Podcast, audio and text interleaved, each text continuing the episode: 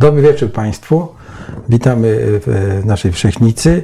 Dzisiaj gościem Wszechnicy jest y, profesor Adam Leszczyński, profesor Uniwersytetu SWPS. Tak, jest. e, e, Dzień dobry. I razem z nami jest też mój kolega z fundacji, Krystian Połomski. Po, po, e, obaj będziemy z Panem rozmawiać. Poprosiłem e, Krystiana, żeby ze mną poprowadził rozmowę z Panem, ponieważ no, jest za- zainteresowany bardzo historią wsi. Nie tak dawno mieliśmy duże spotkanie organizacji pozarządowych, gdzie Krystian prowadził warsztat na temat pańszczyzny właśnie. I wrócimy do tego za chwilkę, dobrze?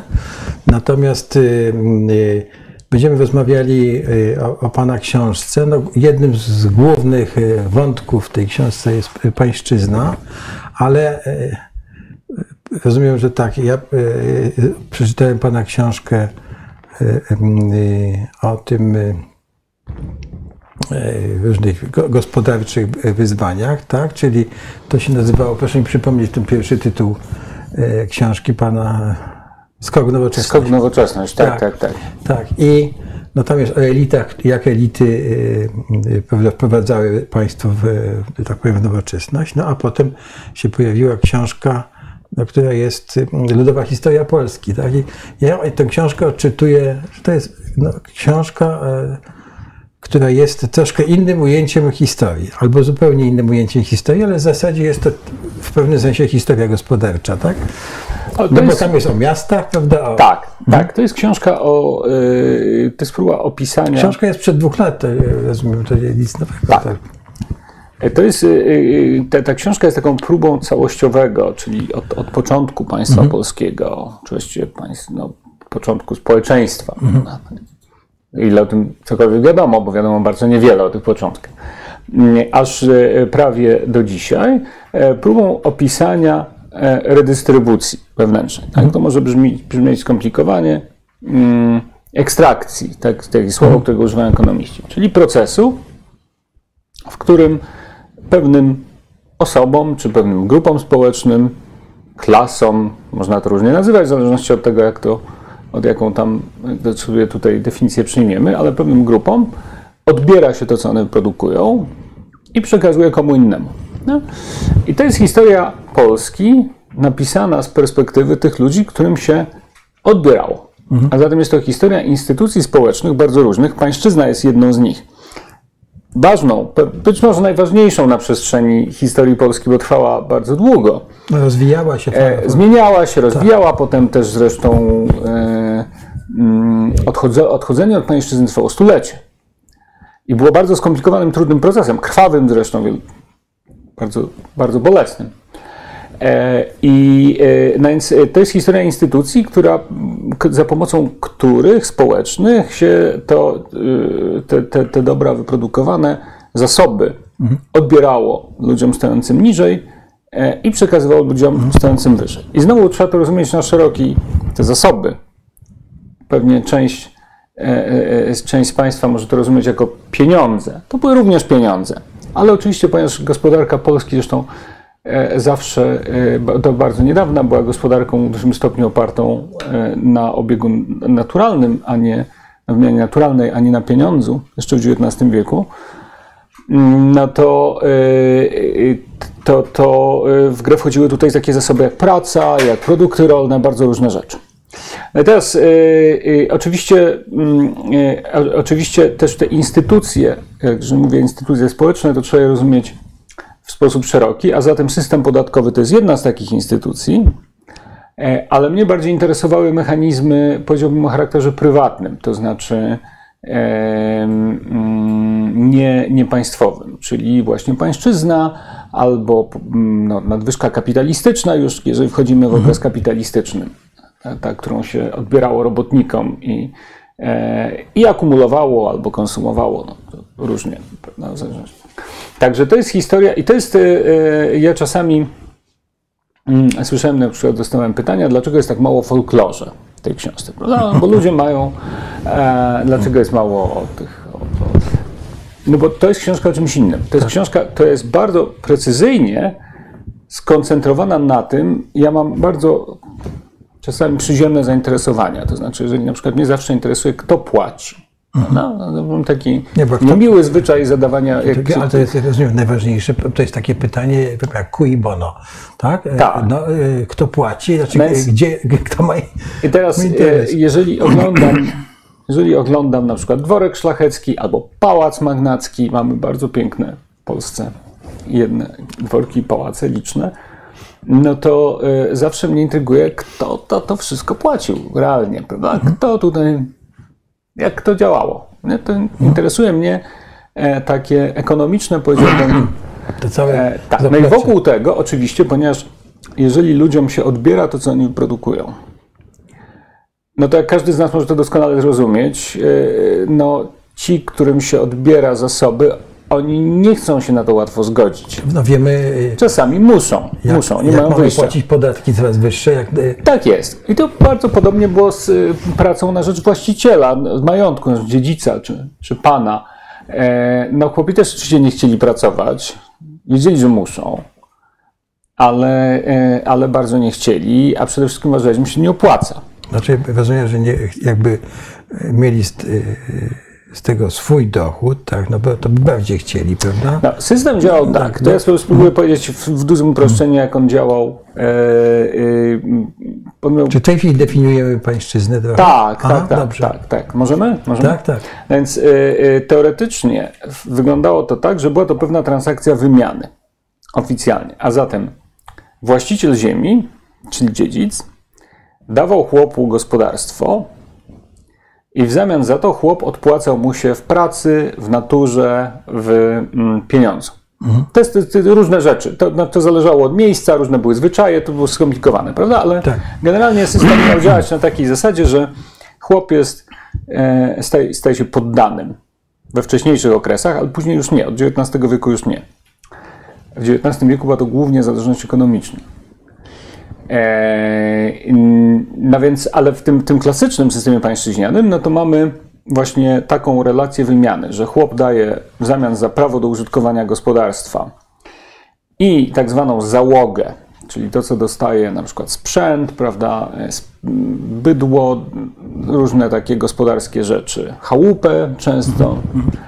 Więc to wszystko dostaje chłop od pana i odpłaca mu się pracą w określonym wymiarze. No i znowu to też było skomplikowane, bo ten wymiar różnie definiowano. On rósł e, e, zresztą z czasem, e, obejmował też różne elementy.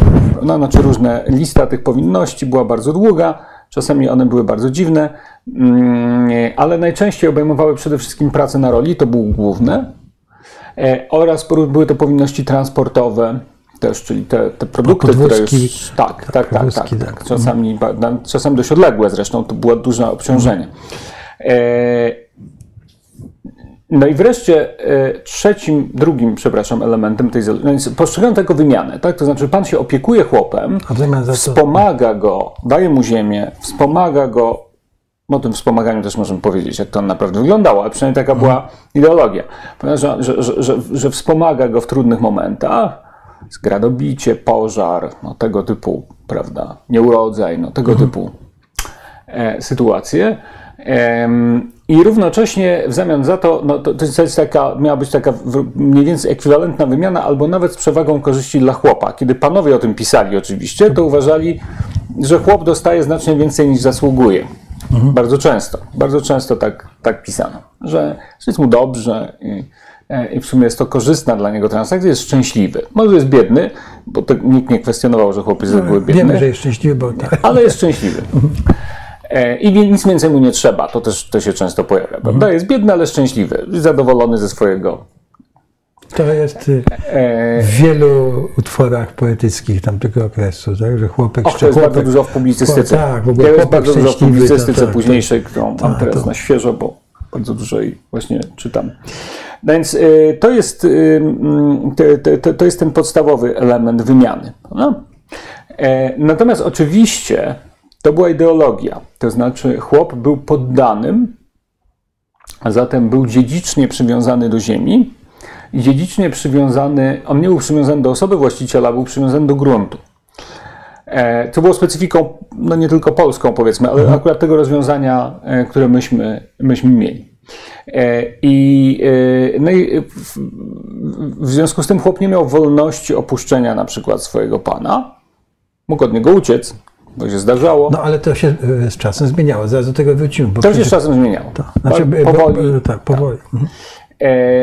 No i chłop też było otwartą kwestią na ile chłop jest właścicielem swoich nieruchomości, przepraszam, ruchomości, a zatem na ile jest właścicielem na przykład swoich, e, swojego dobytku ruchomego. E, I generalnie, jak się wydaje, honorowano mm, honorowano y, y, taką własność no, nie podstawowych przedmiotów użytku codziennego, prawda? Mhm. Ubrań, jakiś tam, że ktoś coś miał cenniejszego, nie wiem, skrzynię malowaną albo no, jakąś, no takie rzeczy, mhm. prawda? Droższe. Tak? Więc to generalnie uważano za, za własność i generalnie szanowano też prawo dziedziczenia, to znaczy właściciel, dziedzic generalnie szanował prawo dziedziczenia przez chłopów, tych, tych, tych kawałków ziemi, tych gospodarstw. Mhm. Przynależnych. Natomiast y, to była dobra wola dziedzica i zwyczaj. Nic nie gwarantowało prawnie do pewnego momentu. Możemy o nim powiedzieć, ale do długiego, późnego momentu. Nic nie gwarantowało prawnie posiadania tych, tych gospodarstw. Y, no i chłop również, oprócz tego, że był poddanym, więc pierwszy element to jest pańszczyzna, prawda? czyli ten, te obowiązki ekonomiczne. Drugi element to jest poddaństwo osobiste tego systemu, czyli przywiązanie chłopa do ziemi, do, którą uprawiał. I trzeci element, który jest bardzo ważny, to jest jurysdykcja właściciela nad chłopami prywatnymi. A zatem sądownictwo było sprawowane przez właściciela. E, który dzielił się tym, zwyczaj znowu to regulował, to znaczy, że za wiele wykroczeń racjonalnie myślący dziedzic oczywiście ani nie miał czasu, ani nie chciał się tym zajmować mm, i cedował na sądy wiejskie, na, na sądy, gro, na, na, gromadę, rozstrzyganie czyli, większości spraw. Czyli e, w, w tej zależności yy, chłopi mieli jakiś swój samorząd, tak? Czy, tak, czy to, to znaczy oczywiście we, we wsi, tak, tak, tak, tak. Oczywiście e, na, natomiast jest pytanie, na ile można to nazwać samorządem. No, e, e, dlatego... Gromada oczywiście miała dużo do powiedzenia, e, ale znowu ona była uzależniona to, ile miała realnie do powiedzenia. To, co jej dziedzicy dał, tak? Przyzwolił. Przyzwolił. Oczywiście zwyczaj to regulował, więc najczęściej było tak, że osoba, która obejmowała taką wioskę, albo dziedziczyła, albo ją kupowała, albo ten z całym tym, to ona wchodziła w pewien układ, który był ustalony tradycją. Jeżeli ktoś był, e, e komuś zależało na spokoju, no to raczej w niego nie ingerował, albo w niewielkim w niego ingerował w zakresie. No. I teraz, yy, yy, no bo oczywiście dziedzic yy, mógł ingerować lub nakładać większe obciążenia na chłopów, ale musiał się liczyć z tym, że oni będą stawiali opór na różne sposoby. Hmm. A więc yy, także można to sobie wyobrazić jako taką. Oczywiście dziedzic dążył do maksymalizacji zysku, prawda? To znaczy pieniędzy zawsze brakowało e, wszystkim. I, e, i dziedzic, dziedzicowi zależało do tego, żeby z tych chłopów wycisnąć jak najwięcej. No musiał to robić umiejętnie, ponieważ jeżeli robił to za bardzo, jeżeli za bardzo przycisnął na różne spo sposoby swoich poddanych, no to oni mogli od niego uciec, mogli się zbuntować, prawda, albo mogli go sabotować na różne sposoby. W związku z tym dziedzicowi zależało na tym, żeby z jednej strony maksymalizować zyski, a z drugiej strony utrzymywać taki spokój, prawda? No bo e, e, jeżeli na przykład oni, chłopi odmówiliby udziału w żniwach, no to, to, jest, to jest katastrofa finansowa. Kilka dni i, i wszystko tak, tak, tak, tak, tak. No więc to jest katastrofa finansowa. Mm. Nikt tego nie chce. Nie? Zwłaszcza, że e, to nie było tak, w, w, nie, nie istniał wolny rynek siły roboczej, w związku z tym pole można było obrabiać głównie własnymi chłopami. Najemni najemni stanowili niewielki odsetek. Oni się w ogóle pojawiali, to skomplikowane, kiedy to się pojawiło i tak dalej, nie będziemy już to wchodzić. Ale generalnie było tak, że główną część robót polowych spadała przynajmniej do pierwszych trzech, trzech dekad XIX wieku, spadała na, na chłopów pańszczyźnianych. No więc jeżeli właściciel popadł z nimi w konflikt, którego nie potrafił rozwiązać, no to ryzykował wielkimi stratami. Takie konflikty się zdarzały, oczywiście, bo zdarzali się właściciele nieracjonalni, albo nieumiejętni, No tak, albo chorzy psychicznie. E, tacy Okej, też, tacy też, też, też, tak, też. tak, tak, tacy Ale- też. Ale generalnie, y, więc generalnie mm, to, co najczęściej robiono, to zmniejszano zakres wolności chłopskiej i zmniejszano i i odbierano im te, te, te rzeczy, które im produkowali, krok po kroku. W sensie to były takie bardzo drobne. Nazwał pan to w swojej książce przykręceniem. Tak, tak, ale to właśnie bardzo. A tu się na przykład zakaże ważenia piwa we wsi, i wtedy to było bardzo ważne. I, i, I trzeba było wtedy to piwo kupować w karczmie, a tu się na przykład zakaże, albo próbowano zakazać sprzedawania bydła e, w miasteczku, tylko sprzedaje się e, najpierw pan ma pierwokup. Tak.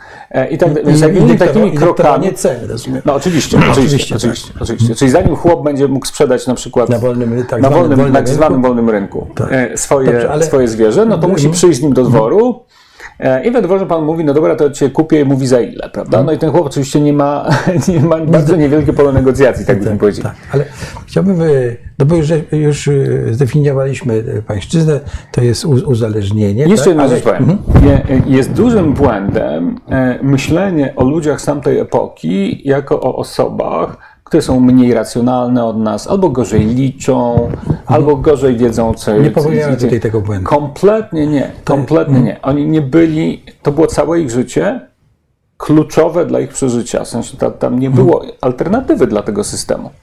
Nie można było Oni pójść do miasta i zarobić, decyzje prawda? według tego, co mieli. Więc y, Tak. i, oni naprawdę wkładali bardzo dużo wysiłku i jedni i drudzy, i chłopi, i właściciele, tak? Mhm. W, to, w, w to, żeby tą relację e, e, ustawić No. w sposób korzystniejszy dla siebie. Rozumiem, ale ja rozumiem, że z punktu widzenia i dzisiejszego, i no nie wiem, czy ówczesnego, tak, e, no to była relacja w pewnym sensie, nie chcę powiedzieć chora, ale jak te relacje i ten w Polsce, na w Królestwie e, Polskim, czy w Rzeczypo- Rzeczpospolitej Obrony Narodów, czy, czy przed Uniami e, w Polsce, miały się do tego, co się działo na Zachodzie.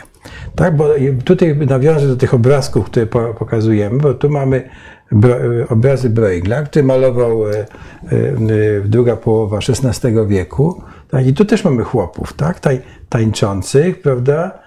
E, Wesele jest to chłopskie, tak? Tu mamy chłopów na, na żniwach. To, no to nie, nie wyglądają te żniwa jak żniwa chłopów pańszczyźnianych, tak? Bo oni odpoczywają. Tak, to nie Jedzą. byli chłopi pańszczyźniani. No nie, nie. Ja, Holandii już, ja, ja, czyli ja, holenderscy w Holandii. chłopie. Więc jaka, ja, na czym polegała ta różnica tych chłopów na zachodzie? I sk- skupmy się, bo mówimy o tym, e, a potem sobie e, no, pójdziemy w, głębiej w czas i, i tak dalej. Tak? Czy by była e, różnica, czy ten system polski, no powiedzmy właśnie w tej połowie XVI wieku, gdzie on już no, był w okresie tego, co pan pisze, dokręcania śruby, czym on się różnił od tego, co było właśnie w Niderlandach, czy w Okej, w Niemczech? Niderlandach to już jest w ogóle są spe, to jest specyficzny przypadek, Tak, ponieważ no. e, e, wybrał pan sobie absolutnie najbogatszy kraj świata wówczas, jako No to e, jest- o najwyższym poziomie życia, No jaki tak, to można. były- e, tak, jasne. I najwyższym poziomie kultury materialnej. I, to jest o, jeszcze okres Nie. prosperity. Tak? Więc u nas, u- nas to tak ładnie nie wyglądało. E, e, Jeszcze pana przeproszę. Proszę Państwa, bardzo prosimy o zadawanie pytań na, na czacie. Ja o tym nie, nie powiedziałem. I Krzysiu, może już wyświetlimy czat, dobrze? Panie Krzysztofie? Już, przepraszam. Wyjdźmy do Niderlandów i do tego porównania. Okej, więc to jest pierwsza rzecz. To znaczy, że n- nasi, nasze, że tak powiem, y, no nasz krajobraz wyglądał inaczej. Domy były biedniejsze, e, ludzie byli ubrani w sposób bardziej prymitywny. Mówimy o tym zdjęciu tegoż e, e, połowy XVI wieku. Natomiast y, y, ile im, mm, y, ile im odbierano realnie, no bo to, co nas tutaj naprawdę interesuje, to jest to, jaki, jaką część tego, co, co, co człowiek wypracował, mu zabierano. To jest kluczowe. I oczywiście, jeżeli mam do czynienia z krajem o niskiej produktywności rolnictwa, takim jak, jak Rzeczpospolita, ona była, tutaj znowu są różne szacunki, ale powiedzmy nawet powiedzmy trzy czy czterokrotnie niższa niż Holandia.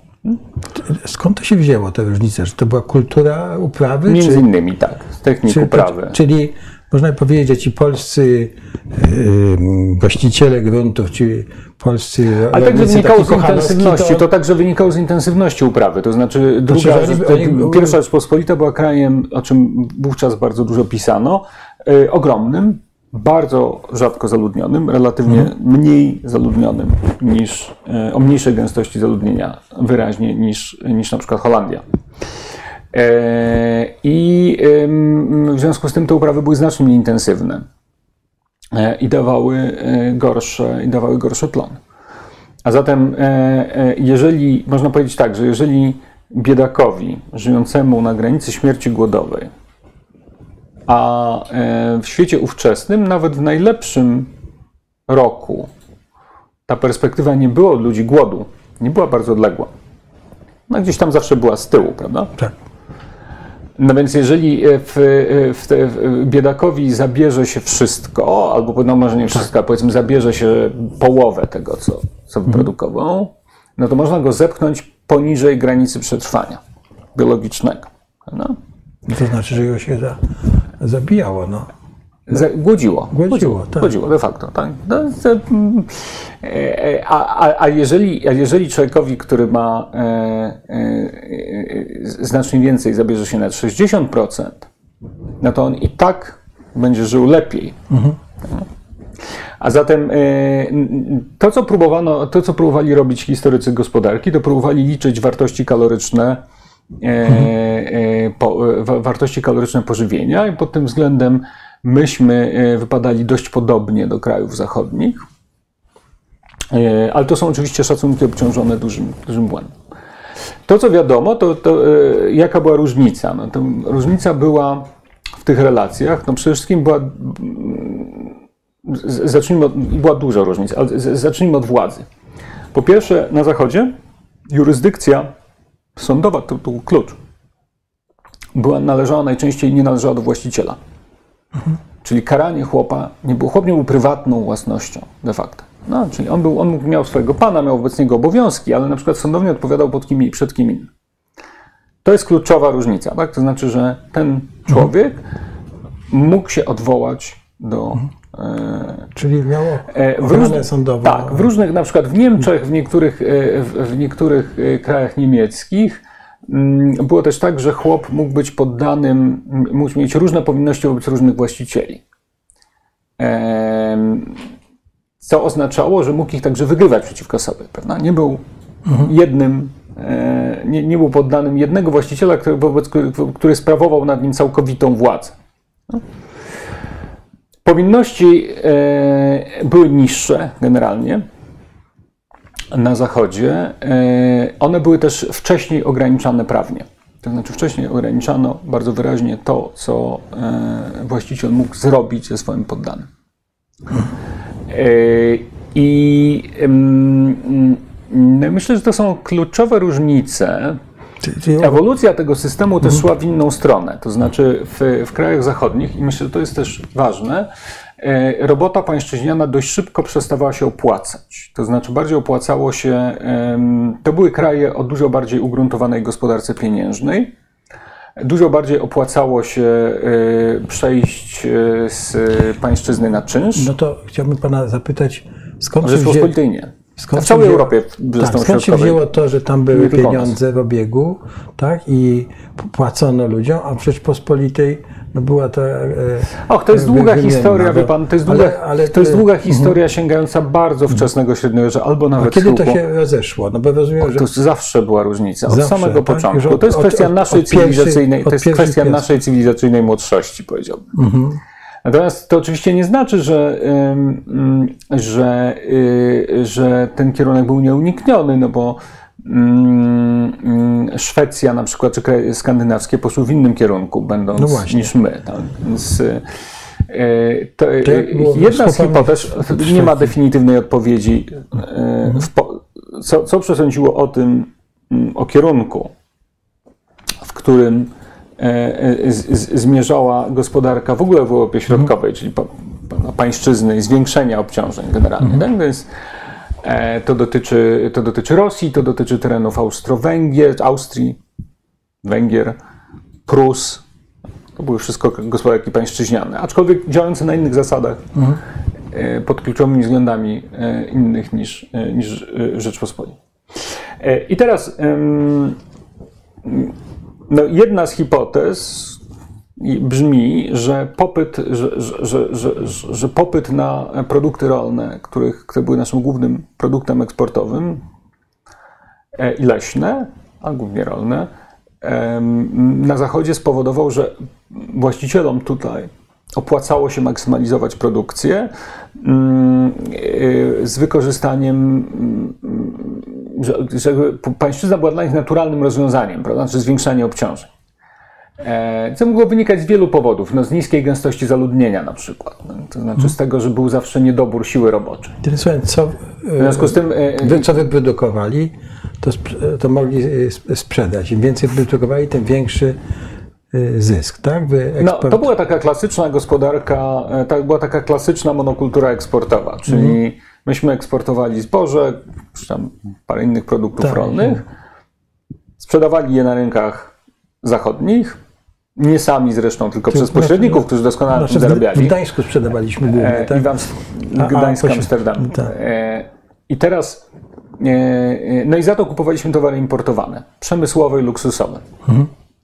A więc, a więc szlachcic, to w praktyce wyglądało to tak, że szlachcic prawda, sp- spławiał to swoje zboże, sprzedawał w Gdańsku, Mm, robił tam zakupy od razu, prawda? kupował coś dla jej mości, jakieś, e, e, wydawał dużą część tych pieniędzy, później wracał zadowolony do, do domu i to się powtarzał co roku. Prawda? Był taki naturalny rytm.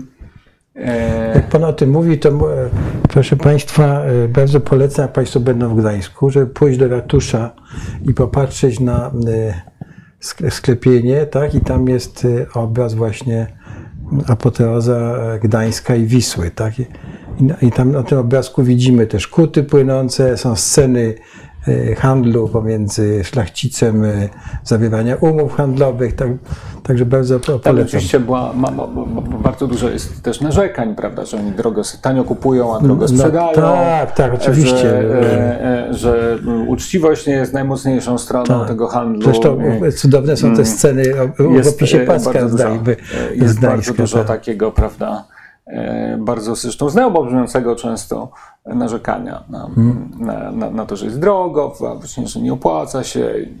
No. Także y, y, tak, to, tak to działa. Mm, Więc krótko mówiąc, Mhm.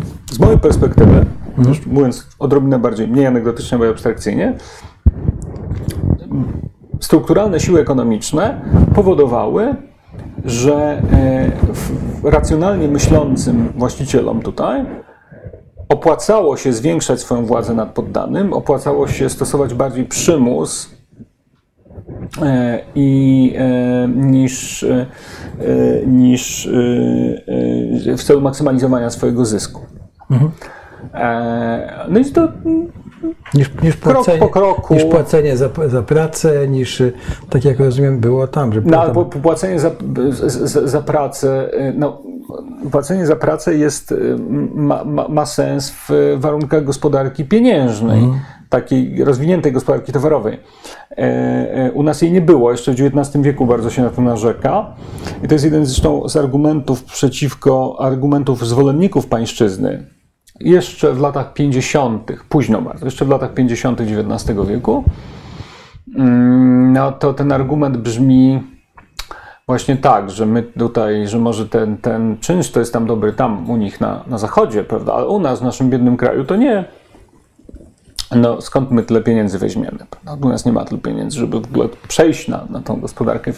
E, I, e, i dlatego trzeba, e, trzeba pańszczyznę utrzymać. Trzeba robotnikowi, trzeba mieć, nie ma czym płacić robotnikowi, w związku z tym mm, trzeba go do tego zmusić. E, No i tu pomysły były różne, zresztą tu już mówimy o bardzo późnym okresie, przeskoczyłem do połowy XIX wieku, tuż przed zniesieniem pańszczyzny na, na obszarze centralnej Polski, a po zniesieniu już w Galicji i, e, i w Prusach. to do tego wrócimy jeszcze. to, I wówczas, I wówczas tutaj bardzo często ci ziemianie piszą właśnie, że na przykład mm, że na przykład, no dobrze, to pańszczyznę znieśmy, ale na przykład niech, e, niech państwo e, zapewni nam robotnika po stawkach, jakie, e, jakie my im zaproponujemy. Czyli mhm. znieśmy pańszczyznę, ale wprowadźmy na przykład przez 20 okres przejściowy, 20-letni, kupa czasu. Albo 30, takie były pomysły. Mhm. I niech to będzie, nie będzie działał na, najem przymusowy. To znaczy, że władza będzie zmuszała tych chłopów, którzy już dostali naszą ziemię, mhm. Do pracy za, po niższych stawkach przynajmniej. A przynajmniej, żeby oni w ogóle przyszli, bo, bo tam się e, ci, ci właściciele w Galicji po zniesieniu pańszczyzny w 1848 roku mm, e, właściciele e, ziemscy w Galicji narzekają powszechnie na to, że robotnik nie chce pracować. Że nie ma kto pracować na roli, że chłopi w ogóle nie chcą pracować E, Czy nie w ogóle, tak? tak? ale nie przychodzi im do głowy, że oni po prostu płacą za mało. To znaczy, że chcą im zapłacić za mało. Więc tam jest y, taka. No, ja rozumiem, że przejście na tą, na tą gospodarkę innego typu wymagało Bo... też y, no, taki nowa umiejętność. Tak? Wymagało też kapitału obrotowego, no, tak. którego ci y, właściciele nie mieli ponieważ nie był im potrzebny wcześniej. Nigdy tak. No. Mieli siłę, A więc, siłę roboczą za I w momencie, w którym oni stanęli przed perspektywą utraty Mm, roboczej siły pańszczyźnianej, nie mieli skąd tego kapitału wziąć. No, to było bardzo duże wyzwanie i też to był ten argument za tym, żeby pańszczyzny nie znosić, ponieważ pisano, mm, to był bardzo powszechnie wracający argument, że jeżeli zniesiemy pańszczyznę, no to gospodarka kraju upadnie, bo nie będzie miał kto pracować. No to, ale tutaj od razu mi się nasuwa... A u nas poza rolnictwem nic nie ma. To, to, to jest no nie, ma, nie, ma, nie, ma, nie, ma, nie ma nie ma, miast, tak, nie ma. Znaczy, nie. Miasta są dwa czy trzy, prawda? Jest taki piękny cytat u jednego z publicystów, którego czytałem parę dni temu dosłownie, e, w którym on mówi, no ale e, przecież te miasta u nas, pisze to taki ziemianin hmm? z królestwa. To są pewnie lata, myślę, 40. XIX e, wieku i on pisze, coś takiego, że no, e, miasta u nas, na przykład u nas nie ma żadnych miast. Mówi, to wszystkie miasta to są takie wsie, tam mieszka po, tak, po, tam, po, po, 300, osób. E, po 300 osób i oni tak na roli pracują. E, a miasta, które zasługują na tą nazwę, to mówi, w naszym kraju są trzy. No, tam już nie pamiętam, co wymienia. Mhm. Nie, więc, y, a, więc jakie tu mówi pieniądze i manufaktury? No, tu nie ma w ogóle o czym my rozmawiamy, mówi ten, ten właściciel. Prawda? Ten nasz kraj rolnictwem stoi mm, i jak y, nam się zabierze tego pracę chłopską, no to katastrofa nastąpi. Czy to y, Właściciele niewolników w Stanach nie używali podobnych argumentów. Tak, to był jeden z argumentów e, e, e używanych przez właścicieli niewolników. E, e, ja śledzę teraz tą dyskusję amerykańską, to znaczy próbuję porównać z mhm. Polską. E, I amerykańscy właściciele niewolników e, używali wielu bardzo podobnych argumentów, co nasi obrońcy pańszczyzny. Nie wszystkich, to nie jest dokładnie identyczna dyskusja, bo też kontekst był inny, e, ale, ale wiele było. I ten akurat był taki sam. To znaczy, że jeżeli zabierzemy nam niewolników, mówi, pisa, mówili ci właściciele, no to przecież cała gospodarka kraju upadnie. Tam nic nie ma poza, tak. poza naszymi plantacjami. Mówimy o południu. O południu, tak, tak. południu stanu. I teraz, no i kto dostarczy bawełnę do tych wszystkich fabryk? E, na północy albo w Wielkiej Brytanii. No, nie da się, musimy mieć, musimy mieć tego, tego niewolnika. Mhm. Podobnie. To jest, to jest dokładnie identyczny argument, tylko mhm. oczywiście w innym, w innym kontekście. A możemy się trochę cofnąć, bo bardzo szybko tak przeskoczyliśmy do tego XIX wieku, a ja myślami jestem e, w tej kolonizacji takiej, XIII wiek i tak dalej, że był jakiś okres przed pańszczyzną, że tutaj mamy. Znaczy, ten, był jakiś e, okres przed pańszczyzną w ogóle? XV-XVI wiek, no to początki rozwoju kapitalizmu w Europie i tutaj dużo o tym e, mówimy, prawda? Jest więcej kruszca, pojawia się, pojawia się ta wymiana handlowa i u nas e, ta pańszczyzna jest to dokręcanie śruby, a wcześniej też coś było. Jest ta kolonizacja, która I była właśnie, też takim projektem modernizacyjnym. Jak tak, jak to zrozumiałem bo, bo, bo pan dużo pisze w książce właśnie o tym Dobrze, to znaczy lokalizacji na prawie niemieckim. Lokalizacja na prawie niemieckim, tak? nowe I, wsie, nowi ludzie. I tak. to, to był... A i druga jeszcze, do jeszcze no, mamy ten e, taki symbol z historii, tak, tak się uczyłem w, w komunistycznej szkole Jan Kazi- ten Kazimierz Wielki, Wielki. król, król chłopów, tak?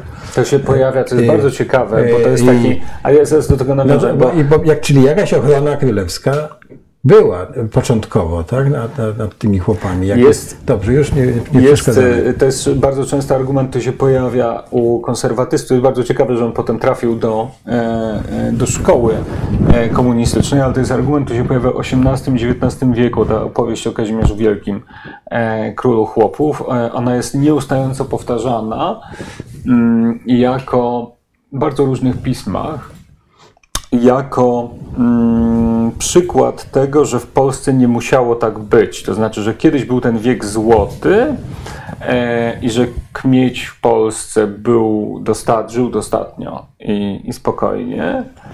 E, I był ochroniony przez, przez monarchę, no a potem się coś popsuło. Czyli to jest ta, ta opowieść, to jest taka konserwatywna opowieść o upadku trochę, i degeneracji. Prawda? Czyli mamy to- to jest taki sch- sch- schemat typowy właśnie dla konserwatywnej wizji historii, że mamy kiedyś wiek złoty, potem następuje schyłek, no i degeneracja, e, degeneracja relacji. Ja bym powiedział, że e, oczywiście, że, że, po pierwsze to jest niesłychanie zamieszkła przeszłość. Po drugie, e, źródeł na ten temat e, mamy relatywnie niewiele, nie jest tak, że w ogóle nie ma, ale relatywnie niewiele.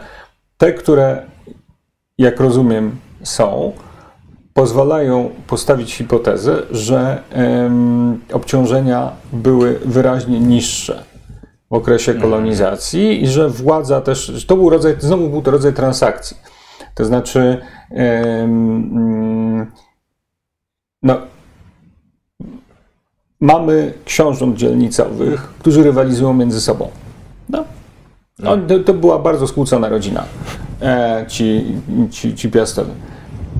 Więc oni rywalizują między sobą i każdy i, i są zainteresowani w rozwoju gospodarczym swoich ziem, ponieważ małych, tych swoich małych kawałków. Tak? Ponieważ oczywiście władca bogatszy jest władcą potężniejszym. Więc oni są oczywiście bardzo zainteresowani i, i, i, i, ta, ta, także tym, żeby było tam, to jest kluczowe w tamtych czasach, więcej ludności.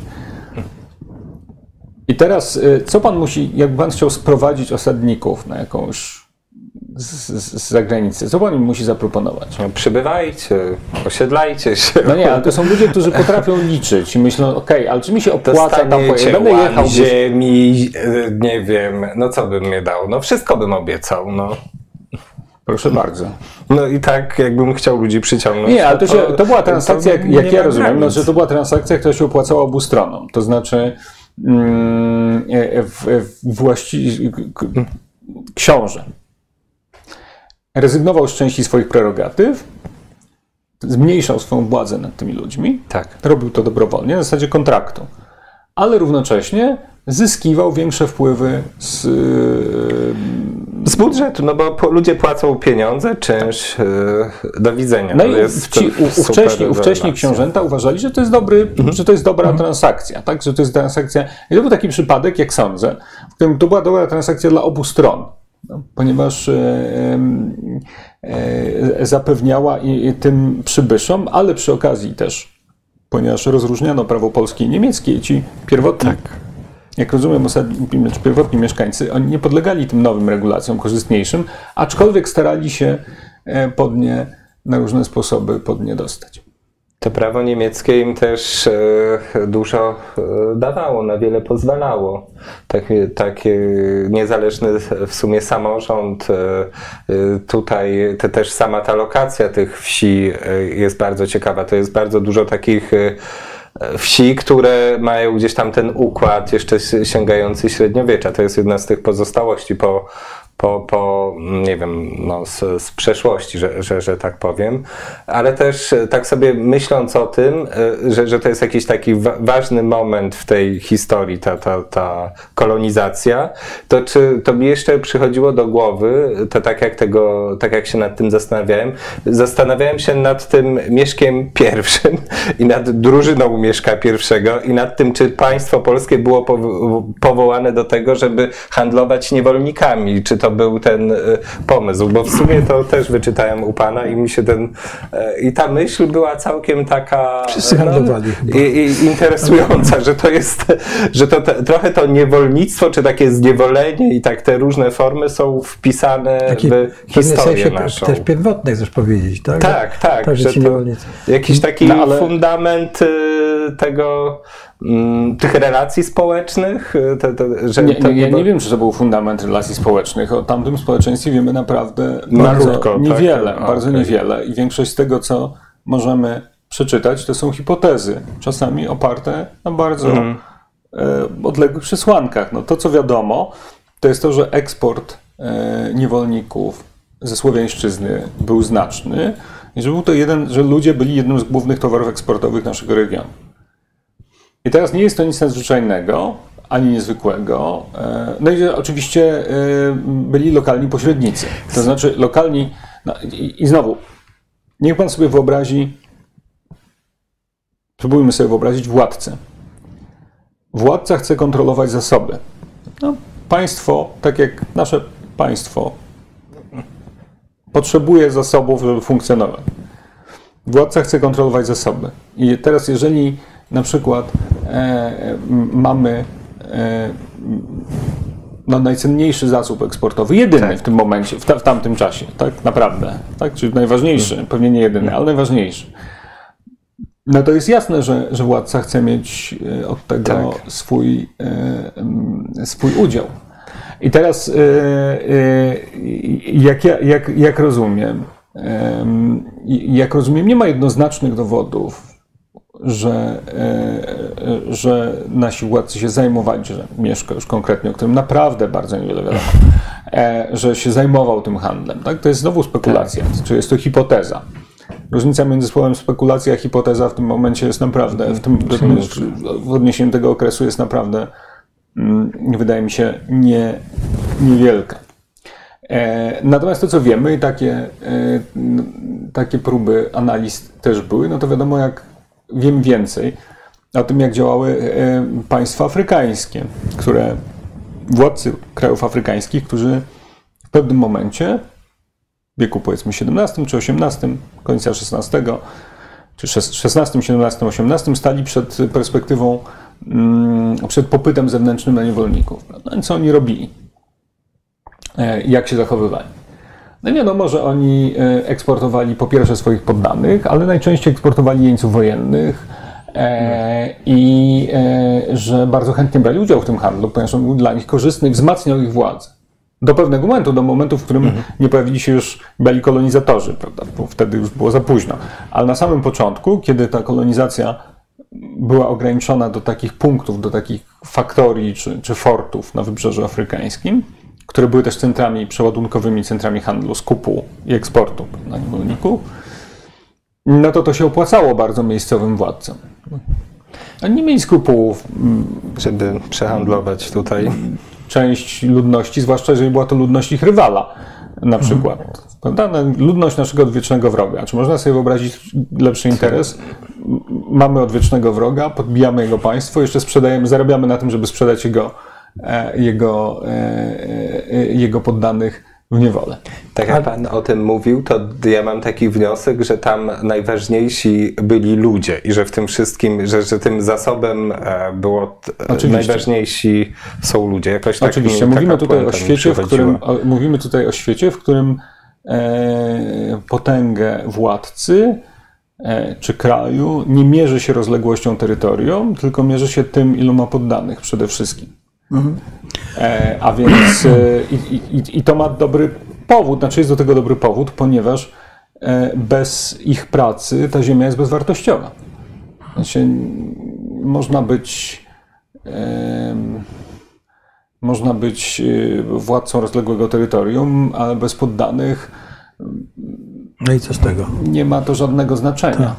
Bo ja jeszcze miałem taką jedną rzecz, ale nie chcę tutaj zabierać za dużo czasu, bo też jak była ta kolonizacja, o której mówimy, ta, ta XII-XIII, na naprawienie niemieckim, XII-XIII wiek, to tak sobie skojarzyłem, że może coś takiego też w XVII i wcześniej wieku no, no było y, na, na Ukrainie. Tak też tam oferowano fajne warunki do tego, żeby się osiedlać, a później by, by były, no, no wiadomo, kolejne bunty i tak dalej. Także to jakiś też jest, y, też taką analogię tutaj y, zobaczyłem. No, mm, y, chciałem pana zapytać, bo pan, y, jak czytam tę książkę, to mam miejscami takie wrażenie, że pan sobie kpi trochę z tej szlachty. Dlaczego? No, bo pan pisze, prawda, o tym, jakie oni mieli pomysły, prawda, jak się No to zachowywali, bardzo tak, jakie, ludzie. tak, ale nie słucham? To Nie, ale my, ja tylko to mówię jako y, y, taki moje odczucie, nie? Trochę. Nie, to- to co- to z czym, czego- czym, czym uzasadniali, prawda, to, to, to poddaństwo, no przecież... To, z czego tak. czasami sobie myślę, troszeczkę żartuję, to z em, ich z takiego przekonania, e, że, e, że, że wszystko jest świetnie. No tak. Że, że, że ten świat jest Ale- sprawiedliwie urządzony, że ich świat jest urządzony tak, jak powinien być. No ale jest ten wyjątkowość, że każdy zna swoje miejsce. wyjątkowość polskiego szlachcica, prawda? Argument, inny, jednym z argumentów, znowu wrócę do, do, do dyskusji o zniesieniu pańszczyzny, ale akurat w tym Tak. to jest mi bliskie teraz, więc je, jednym z kluczowych argumentów używanych zarówno przez, w Polsce przez obrońców pańszczyzny, jak i e, w Stanach Zjednoczonych przez obrońców niewolnictwa, ale nie tylko, przez na przykład brytyjskich plantatorów z, z, z Jamajki czy tam z Barbados. No, to był argument o naturalnej hierarchii. To znaczy, że ludzie nie są sobie równi, że jedni są przeznaczeni do jednych prac, a inni przeznaczeni są do innych prac. I że taka jest po prostu, taki jest po prostu świat zbudowany. Taka jest konstrukcja. W przypadku, e, w przypadku e, tych, tych anglosasów, którzy e, zresztą, ja bym powiedział, że oni mieli na poziomie przynajmniej retorycznym znacznie mniej skrupułów od naszych, e, z naszych właścicieli. W sensie oni byli... Okrutniejsi? e, Słucham? Okrutniejsi? Ja nie wiem, czy oni byli okrutniejsi w praktyce, e, aczkolwiek e, okrucieństwo było e, znane i opisywane. Na, e, myślę, że to jest bardzo trudno porównać. Natomiast oni byli, e, e, powiedziałbym, mm, przynajmniej od pewnego momentu mniej się wstydzili. O, tak bym powiedział. U nas y, nasi obrońcy pańszczyzny bardzo często wiedzieli, że oni retorycznie przegrali już tą wojnę. I, Mówimy o, o, jak, kiedy zaczęli sobie z tego zdawać. y, to był sprawę. y, okres, myślę, od, od jakiegoś początku XIX wieku, kiedy Mhm. te reformy, y, y, kiedy te reformy mm, już jednak się zaczęły na dobre mm, i że oni wiedzieli już, że mm, a punktem w ogóle przełomowym w, w, w Polsce była rzeź galicyjska. Znaczy właściwie od tego momentu obrona pańszczyzny jako systemu się kończy e, i obrońcy koncentrują się e, wszędzie, we wszystkich. Znaczy w, Pruszach to już jest nieaktualne wtedy Tak. dawno, bo już tam Tak, dawno tak. jest załatwione. Ale e, w Galicji to już też jest nieaktualne. Szybko staje się nieaktualne, ponieważ dwa lata później e, e, e, Czyli Galicyjska 1846, tak? Rzeź Galicyjska Tak. 1846, zniesienie pańszczyzny w Galicji 1848, aczkolwiek te półtora roku, czy tam dwa lata, nie, które były- minęły między rzezią galicyjską a zniesieniem pańszczyzny, to jest też okres niepokoju. Tam nie, nie do końca się dało, dawało egzekwować te powinności. Chłopi już nie chcieli pracować, cały czas wrzało. A mogę wtedy E, e, wejść na sekundę? Czy tam zmarło wtedy z głodu ile kilkaset tysięcy osób? Tak, 200 tysięcy, coś takiego? Czy to. E, czy to było właśnie chyba To poprzedzone wielkim. To jest urodzaj? Nie, nie, to jest Nie okres urodzaju. nieurodzaju. To jest okres nieurodzaju, choroby ziemniaków em, e, oraz e, trzech czy czterech lat ciągłych, takich następujących po sobie e, e, złych, złych zbiorów. E, Także w, w, w, w kraju wrze ci, e, jeszcze z różnych innych powodów, bo jeszcze mamy e, agitację emigracyjną, em, niejasne stanowisko władzy austriackiej, która są takie podejrzenia, że ona dąży do wybuchu powstania, żeby móc je spacyfikować. Były takie teorie, że Austriacy jak gdyby specjalnie sprowokowali powstanie najpierw w Krakowie, które się nie udało, a potem e, wywołali rzeź galicyjską po to, żeby spacyfikować szlachtę. Moim zdaniem są to spekulacje na wyrost, ale wielu tych e, autorów ówczesnych tak, tak twierdzi, jestem przekonany. Natomiast po rzezi galicyjskiej, która jest wstrząsem we wszystkich trzech zaborach. Ja byłem zdziwiony, kiedy zacząłem czytać ten tekst, zaskoczony właściwie tym, że ona tak niesłychany sposób rezonuje wśród autorów ziemiańskich, w ogóle Nawet na, na Podolu, czy... Tak, tak, tak, na ziemiach zabranych też. Wszyscy się do niej odnoszą i w zasadzie dla nich to jest jasne już od tego momentu, że nie ma ratunku dla systemu pańszczyźnianego. Że to jest koniec. E, W roku 1836 na wiosnę w Królestwie Polskim car wprowadza ukaz, który ogranicza w jakiejś części w reakcji na pewno na, na rzeź galicyjską, wprowadza ukaz, który ogranicza władzę szlachty nad e, chłopami pańszczyźnianymi. E, No i ten ukaz z 1836 roku to też jest e, dla tych, tych autorów, tych, tych ziemian tak, taki sygnał, że to już jest, że właściwie sprawa pańszczyzny przesądzona. I teraz co można zrobić? No i oni oczywiście przez następne lat kilkanaście, aż do ostatecznego zniesienia pańszczyzny,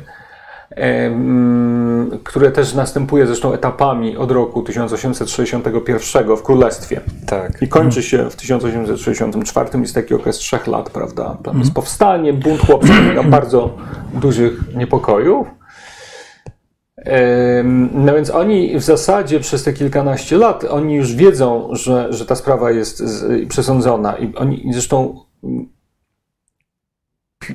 i, tylko próbują się zastanowić, czym, jak w najkorzystniejszy dla nich sposób można tą pańszczyznę zastąpić. Więc tam się pojawiają takie pomysły na przykład wieczystego częszowania. Czyli żeby jednak nie dawać chłopom tej ziemi, bo ona jest nasza, to jest nasze święte prawo własności, e, ale e, uwolnić ich od pańszczyzny i przenieść na czynsz. No i to częściowo w jakimś tam stopniu się udaje.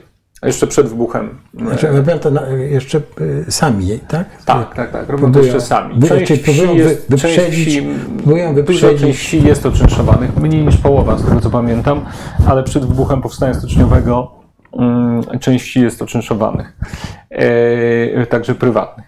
E, ale też myślą na przykład o takim systemie, który by im, o systemie wykupu. To znaczy, żeby. I to jest bardzo skomplikowany system. Różne są projekty. Ostatecznie jeden z tych projektów jest takim jakby oficjalnym e, projektem Towarzystwa Rolniczego tuż przed wybuchem powstania styczniowego. E, I e, to, jest projekt, w którym chłopi wykupują sami siebie z pańszczyzny e, i spłacają te swoje ziemie, te, te ziemie, które stają się ich własnością, przez kilkadziesiąt lat. E, I co więcej, tam są jeszcze różne zabezpieczenia. Na przykład w niektórych pro- projektach jest taki system, że, że gromada, gmina cała odpowiada za, za to, żeby ci wszyscy chłopi płacili, albo że niepłacącego można usunąć z tego jego gospodarstwa przez następne trzy dekady, powiedzmy. bardzo- długo. Więc y, takie projekty się, się tam. e, No i dla, dla zabezpieczenia całej tej operacji finansowej, sfinansowania powołuje się bank specjalny, który emituje papiery wartościowe i tymi papierami się spłaca właścicieli. Czyli właściciele dostają kapitał od razu, a chłopi stopniowo spłacają przez te 30 lat, prawda? Taki był koncept. E, I to oczywiście po pierwsze bez udziału władz carskich nie miało szans na, na, na realizację, a Rosjanie czy, czy car nie był zain- zainteresowany tym projektem. No a po drugie, y, chłopi już byli y, myślami zupełnie gdzie indziej. To znaczy, chłopi uważali, że ta ziemia, na której oni często siedzą od pokoleń, ich. się po prostu. Tak, że ona się po prostu powinna być ich. E, I, e, I co więcej, duża część polskiej opinii publicznej też tak myślała, czyli polscy e, rewolucyjni demokraci też tak myśleli. W związku z tym ci obrońcy pańszczyzny, mm, tych ostatnich, tam na przykład w niektórych z tych pomysłów był jeszcze najem przymusowy. To znaczy, że te, były takie pomysły okresu przejścia, tych projektów było dużo. Były takie pomysły okresu przejściowego, w którym chłop teoretycznie zostaje właścicielem własnej ziemi, ale nie do końca, ponieważ on w pełni ją zostanie dopiero za 30 lat, jak ją spłaci i jeszcze musi e, e, przymusowo odrabiać tą ziemię, czyli de facto nadal musi odrabiać pańszczyznę z obietnicą, że za 30 lat zostanie No właścicielem to 30 lat to swojej... właściwie dwa pokolenia w tamtych czasach. No i e, nic dziwnego, że chłopi nie byli zainteresowani, już jasne. skoro mieli obietnicę i to zarówno ze strony z rządu jeszcze nie, no, ale mieli już, by- byli już przekonani, że oni powinni tą, y, tą ziemię dostać. Po prostu. Oczywiście szlachcic to nie mieściło w głowie. E, I oni uważali, że, że ich święte prawo własności zostało naruszone, że to jest ziemia ich praojców, prawda, że nie można jej rozdawać chłopom, tak, że, to jest, że to jest skandaliczne naruszenie. E, Pisano e, też, to już w okresie powstania styczniowego, pisano, że rząd kupił chłopów, ponieważ istniało takie przekonanie, przekonanie że rząd carski kupił chłopów uwłaszczeniem. E, więc kupił chłopom, chłop, chłop- chłopów tym, co nam zabrał. Czyli zabrał nam naszą własność i za nasze pieniądze kupił sobie przychyln, przychylność chłopów. Em, mm, No i oczywiście prognozowano rozmaite klęski, które miały wyniknąć z tego, e, z tego uwłaszczenia. Em, Mniej lub bardziej trafnie prognozowano, ponieważ odejście od pańszczyzny w Galicji na przykład, oni mieli za sobą przykład Galicji, o którym się dużo pisało. No i e, było e, wiadomo, że Galicja po likwidacji zniesieniu pańszczyzny przeżyła kilka lat zapaści gospodarczej bardzo poważnej. E, I, em, i, i nasi autorzy z Królestwa mm, uważali, że no, to jest taki przykład, jak nie należy tego robić. No. I, i że to jest, e, e, że, że to był efekt takiego wrogiego aktu mm, władzy austriackiej przeciwko e, polskiej szlachcie. Jeśli mógłbym Pana prosić jeszcze tak po- podsumowanie tych trzech zaborów. No bo e, w pruskim Pruskim co się, sprawa- co się wydarzyło, tak Więc mamy- jesteśmy na Okej. Wszechnica, tak żeby... Dobra, więc Prawda? zacznijmy od, od, od samego początku. Mamy rok 1772, pierwszy zabór. Tak. E, e, a więc e, w roku e, i, i, w, wówczas władze pruskie i rosyjskie w zasadzie, w zasadzie pozostawiają te stosunki bez zmian.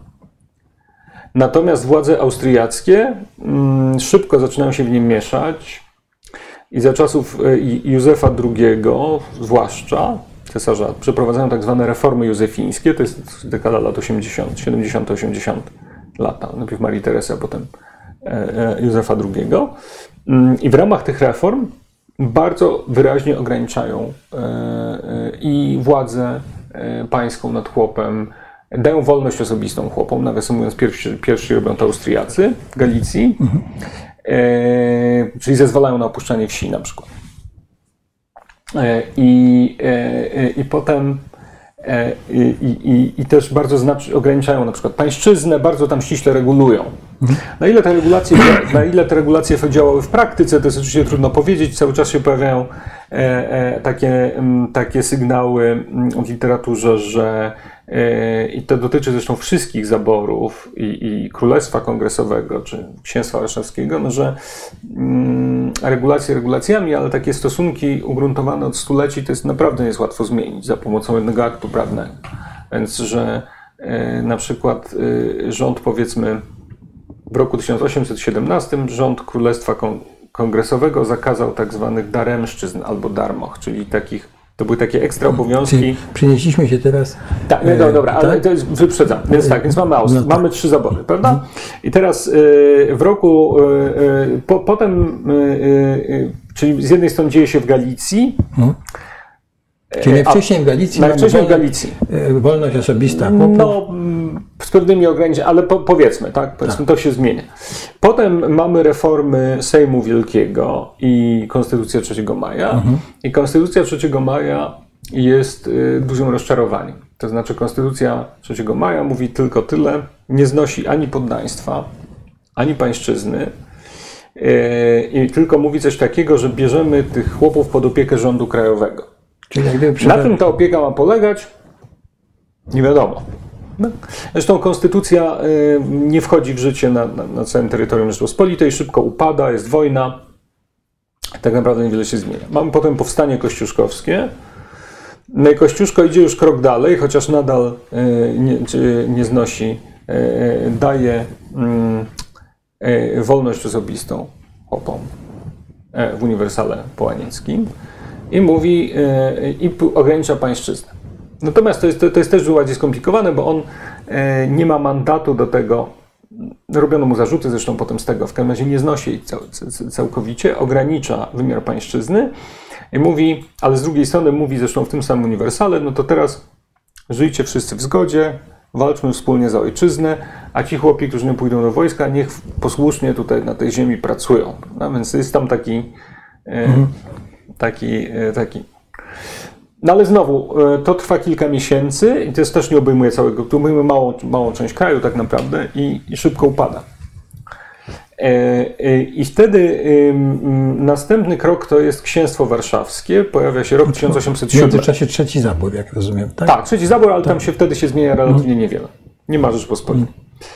E, w sensie położenia chłopów się zmienia, tak? tak? Natomiast m, oczywiście. Tak. Tak. E, potem mamy rok 1807. W roku 1807 e, powstaje Księstwo Warszawskie. Napoleon nadaje mu konstytucję. Znaczy Wybicki jedzie do Napoleona. To jest bardzo, tak. tam on to tak, w bardzo zabawny sposób opisywał, jak, tak. jak tam Napoleon dyktował konstytucję. Także bardzo polecamy pamiętniki Wybickiego. Warto przeczytać, bo no to jest taki kawałek historii Polski z punktu widzenia konfederaty Oby, to był duży kłopot, bo, tak. y, ale jakby w tle... Ale, bo tylko polecić lekturę tak, tego. Tak? W, w tle był taki kłopot, że oni, y, że był spór pomiędzy, mm, jeżeli chodzi o kwestię chłopską, Księstwo Warszawskie powstaje, wiadomo, że będzie. Musi mieć konstytucję. Jeżeli chodzi o kwestię chłopską, był duży spór pomiędzy zwolennikami przywrócenia stanu z Konstytucji 3 maja, mhm.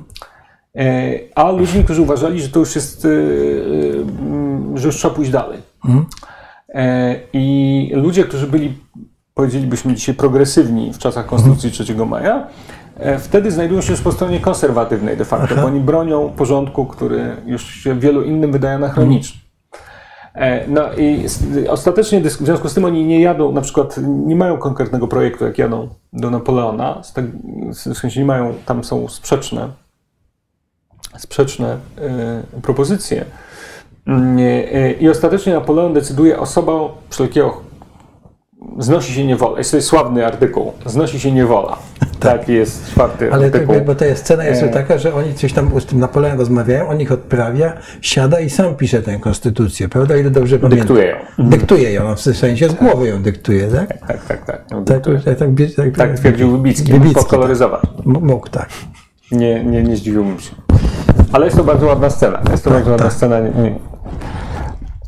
W każdym razie yy, to, co się potem dzieje, to jest to, że osoba, że chłop dostaje już wolność osobistą w Konstytucji, czyli yy, mają w Księstwie Warszawskim i w Galicji, ale nie ma jej w Prusach i nie ma jej w Rosji. W mhm. Prusach dopiero on dostanie później, kilka miesięcy później, w ramach reform y, pruskich. I teraz, y, natomiast w tym samym 1807 roku władze Księstwa Warszawskiego wydają tak zwany dekret grudniowy, który y, z kolei y, jest, podzielił się krokiem wstecz. Bo on mówi, dekret grudniowy mówi coś takiego, że wszelkie, cała ziemia i urządzenia gospodarskie są własnością Pana, że daje możliwość usuwania chłopów z ziemi. A, czyli to jest ciągle e, walka. No tak, tak, tak. E, I, no i właściciele, wiemy, są takie wiele świadectw, że właściciele skwapliwie z tego korzystają. To znaczy wykorzystują dekret grudniowy do tego, żeby usunąć chłopów, zwiększyć swoje folwarki i, czyli usunąć część kmieci. Czy była jakaś reakcja Napoleona na to, który... No nie, czy, czy, podejrzewam, że miał inne Inne, inne rzeczy, no ja wiem, bo to przecież była wojna z Rosją, pokój w Tylży, tam jakieś takie nie. rzeczy. Nie jest zresztą, ponieważ mm, wprowadzono kodeks cywilny, który oczywiście formalnie zrównano wszystkich obywateli wobec prawa, zgodnie z duchem rewolucji mm. francuskiej. I teraz oczywiście jest duży opór przeciwko kodeksowi Napoleona i, e, e, i poczucie krzywdy, że na przykład szlachcic musi się procesować teraz, musi iść do tego samego sądu chłopem. z chłopem. Tak. E, w praktyce mm, ta, te, te, właśnie więc mamy dekret grudniowy i dekret grudniowy powoduje, że a tam jeszcze szereg innych elementów w polityce księstwa warszawskiego, a potem królestwa kongresowego, który powoduje, że, że realnie zmienia się niewiele. E, I takich, e, e, to znaczy, że chłop ma wolność osobistą, oczywiście może wyjść ze wsi, to się już nie zmienia. No ale oczywiście większość z tego nie korzysta, ponieważ nie ma dokąd pójść. Natomiast w sensie ekonomicznym ten chłop jest oczywiście w 100% zakładnikiem dziedzica. A więc, no i nawet jeżeli może iść do sądu, no to tam, czuje się pokrzywdzony, to dla wielu z tych chłopów ta możliwość pójścia do sądu jest czysto teoretyczna, ponieważ ani nie umieją pisać, ani umieją czytać, e, ani, mm, e, e, ani umieją pisać, ani nie umieją czytać, ani też nie mają pieniędzy. Sąd, sąd kosztuje. Sąd kosztuje. I adwokat kosztuje. Tam się bardzo często pojawia w tych tekstach, że właśnie, że, są, że, chłopi są często na przykład naciągani przez jakichś oszustów, którzy obiecują im załatwienie jakiejś sprawy w sądzie, a e, ich, ci chłopi wydają swoje ostatnie pieniądze i później nic z tego nie wynika. Więc w praktyce mm, sprawa w Królestwie Kongresowym sprawa chłopska wraca na, e, e, dopiero w czasie powstania listopadowego. E, I, I tam znowu nie zostaje załatwiona. To znaczy, o, o czym mogę teraz powiedzieć, natomiast gdzie zostaje załatwiona, to zostaje załatwiona w Prusach.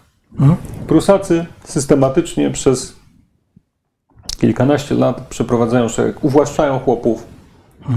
Najpierw im dają wolność osobistą, potem uwłaszczają chłopów, e, spłacają właścicieli. E, e, Rząd polski spłaca? e, za pomocą, tam był taki system podatkowy, że e, chłopi to spłacali w podatkach de facto przez dekady. Ale generalnie ta sprawa, Pr- Prusacy załatwiają tę sprawę w, w wzorowy sposób. Porządny i e, nawet... 10 lat spłacania. Nawet, nawet no bardziej 40 chyba, miał jakiś długi Mhm. okres, ale, ale, mm, ale generalnie w ówczesnych pismach e, e, polska szlachta jest dość zadowolona, z tego nie jest zadowolona z innych rzeczy tam oczywiście, ale z tego rozwiązania jest dość zadowolona, uważa, że jest porządek, wszystko jest rozwiązane, nie ma konfliktów, no i że teraz pisze się o Prusach mm, zupełnie, że zupełnie inaczej niż w innych zaborach, e, chłop i dwór nie, jest, nie są wrogami.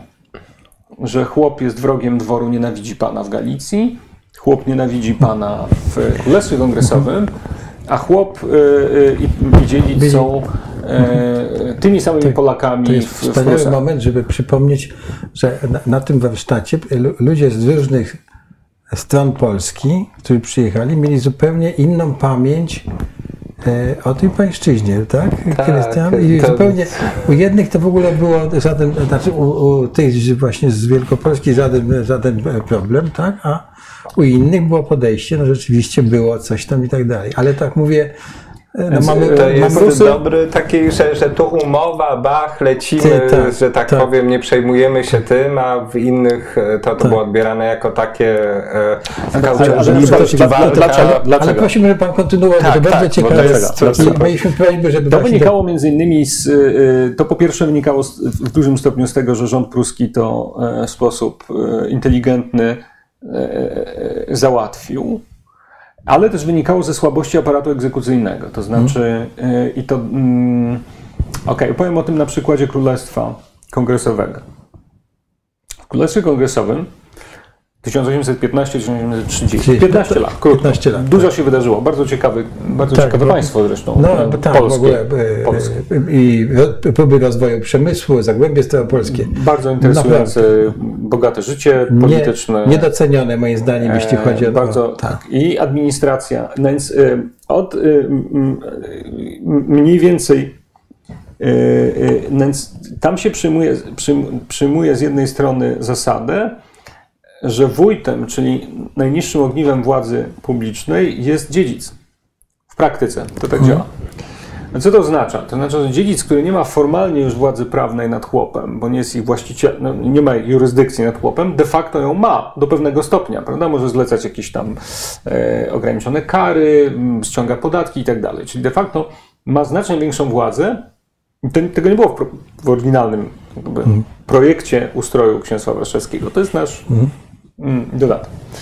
Inny Nie, bo, albo powiedzmy sobie, że księstwo Inny- warszawskie był Napoleon, a tutaj mamy Aleksandra I, czyli protektorat No tak, ale, ale tak? tu, się rządzą Polacy sami generalnie. No, Jeżeli chodzi o no takie tak, rzeczy, ale- to, jest, ale- to zdecydowanie tak, tak, jest, to, tak. jest to. Jest A czy to byli, już nie pamiętam, to byli ci sami ludzie, e, ci, którzy, Bardzo często. ci sami, którzy byli w księstwie warszawskim. Bardzo często tak, byli to ci sami ludzie w dużej części, przy czym oni, mm, co też jest ciekawe, też nie jest, ulegali ewolucji, to znaczy oni bardzo często, ludzie, którzy, i mamy szereg takich życiorysów, ludzie, którzy byli często no, radykalnymi demokratami w młodości, e, czyli w okresie powstania kościuszkowskiego czy, e, czy Sejmu Wielkiego, e, w okresie księstwa, królestwa już są stuprocentowymi reakcjonistami, to znaczy lojalistami. Jest jedną z takich postaci, którą ja bardzo lubię, bo znaczy lubię, no jest to straszna figura, ale, ale bardzo barwna postać to Ju- Józef Kałasanty-Szeniawski, taki e, radykał, który pod koniec życia został cenzorem nawet Ale carskim i nadzorcą, nadzorcą szkół. Marcin Król całą książkę mu chyba poświęcił jako, tak, jako takiemu fotoplaście konserwatystów, o ile pamiętam. E, Kiedyś Jest on w, e, w Stańczykach. No właśnie. E, W sensie w takiej antologii konserwatyzmu. E, Wydaje mi się, że jest Marcina Króla. Mm, a Więc ciekawa figura, chociaż bardzo, bardzo dwuznaczna. E, Ale takich życiorysów jest więcej, więc e, oni. mm, e, I efekt, ale wracając do tej kwestii egzekucji, no to znaczy mm, mamy, więc chłop może teoretycznie pójść do sądu, w praktyce jest to trudne. Bo jest wykluczony. Teoretycznie jest równym i wolnym człowiekiem, w praktyce nie jest.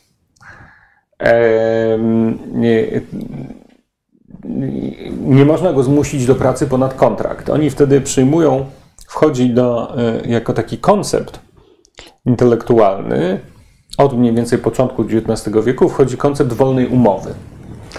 A zatem z taką wizją, że, mm, e, że w dawnych czasach to był pańszczyźniany przymusu, a teraz właściciel ziemi, dziedzic i chłop zawierają wolny kontrakt. No i oczywiście jest to fikcja, prawda? No bo ten chłop musi.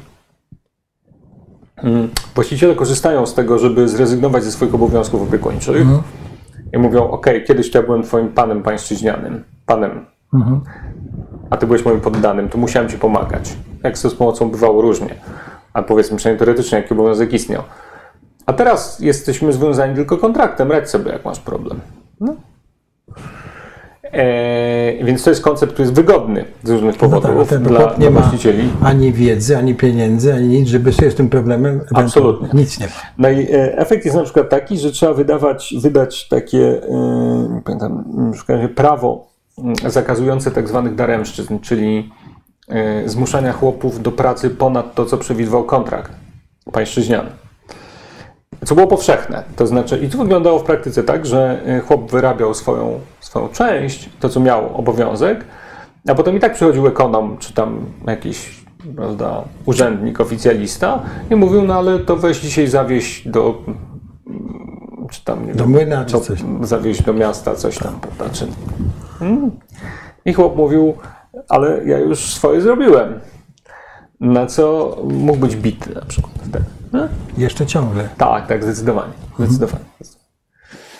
I to jest królestwo. W sensie te, to są relacje e, w Królestwo królestwie. kongresowe. Tak. I mamy oczywiście ogromną część zaboru rosyjskiego, właściwego zaboru rosyjskiego, w którym te relacje się właściwie nie zmieniają. To znaczy chłop jest przywiązanym do ziemi poddanym. Cały czas. Nie ma żadnych. E, I teraz e, potem następny etap to jest rok 1846 i 48 to jest zniesienie poddaństwa w Galicji. Najpierw tak zwana rzeź galicyjska, a potem zniesienie poddaństwa.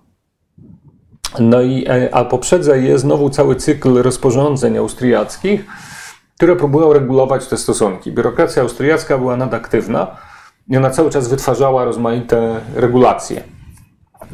E, I, I szlachta polska pisała wówczas, ziemia- ziemianie pisali wówczas, że, e, że to jest, y, że, że, to jest skłócenie pana i, i chłopa, że te, i, i oni powszechnie uważali, że te regulacje są tak zaprojektowane, żeby zwiększyć wrogość pomiędzy poddanym i, e, e, e, i, mm, pomiędzy chłopem i, i dziedzicem. No i znowu można się zagłębiać w szczegóły. No tam był na przykład obowiązek ściągania podatków, który był nałożony z chłopów, który był nałożony na właścicieli. To znaczy chłop musiał płacić podatki, ale z ich ściągnięcia rozliczano dziedzica. I szereg takich rozwiązań, które, jak się można łatwo domyśleć, no nie sprzyjały dobrym, dobrym relacjom. E, a więc e, e, jest rzeź galicyjska i zniesienie pańszczyzny w roku 1848 e, w Galicji za odszkodowaniem. No i znowu e, e, e, to, na co się wtedy narzekają ziemianie, to jest po pierwsze to, że to odszkodowanie jest bardzo niskie.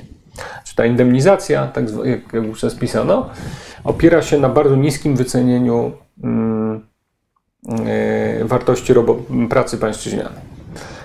E, Szacunki, które się pojawiają w ówczesnej literaturze, to jest to, że oni, że właściciele otrzymali między jedną czwartą a jedną trzecią wartości utraconej pracy chłopskiej. Próbowano przeliczać na dniówki, było skomplikowane. Ceny się zmieniały, zresztą było, w ogóle było dość trudno policzyć.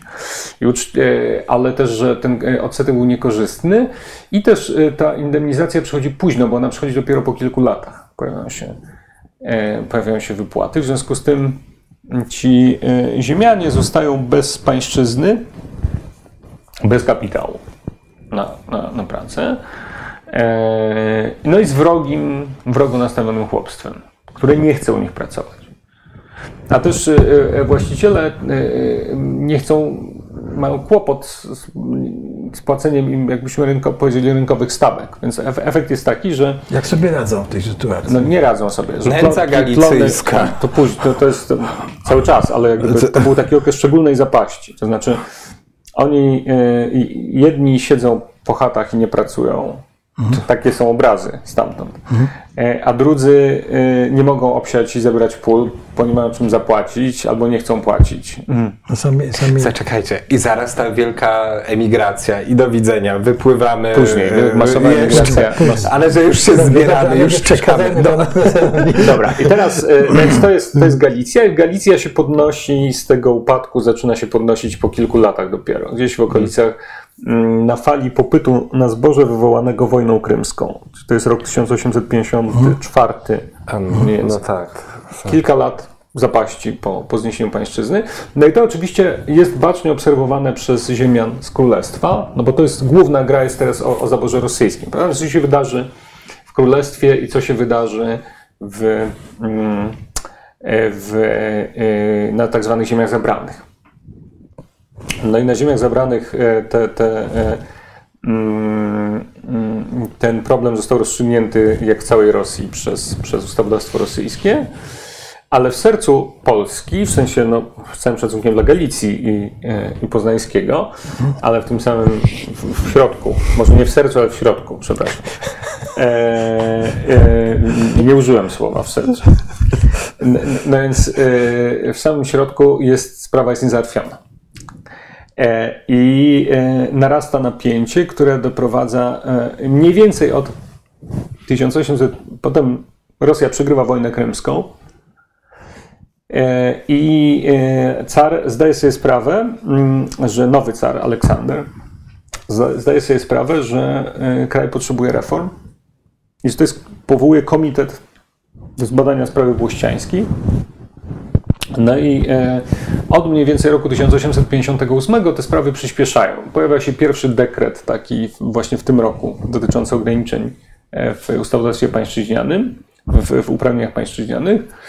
I równocześnie, i, i, i, i teraz się pojawia fascynująca, w tym momencie zaczyna się fascynująca wielostronna gra. Ponieważ z jednej strony mamy mm, e, środowiska ziemiańskie i konserwatywne, które dą, wiedzą, że koniec pańszczyzny jest nieuchronne. przesądzony, nieuchronny, że lada moment nie nastąpi. Ale oni, więc oni, oni, oni się z tym pogodzili. Ale, e, e, ale e, grają cały czas o to, żeby zachować jak najwięcej majątku i wpływów na wsi, także wpływów nad, władzy nad chłopem. I mają różne pomysły właśnie mm, mm, obrony pańszczyzny. W innej formie, inną nazwą, albo właśnie takich wieloletnich spłat tych, tych obowiązków pańszczyźnianych. E, I no, to się wszystko wy- wychodzi ze środowisk ziemiańskich, ze środowiska Towarzystwa Rolniczego. Więc to jest jedna strona tej gry. Druga strona to są polscy demokraci, którzy uważają, że y, trzeba chłopom dać tą ziemię bez żadnych, czasami nawet mówią, że bez odszkodowań. Ale powiedzmy, no, Generalnie y, obietnica wobec właścicieli jest taka, że chłopi dostaną ziemię teraz, a o odszkodowaniach pomyślimy, jak będzie wolna Polska.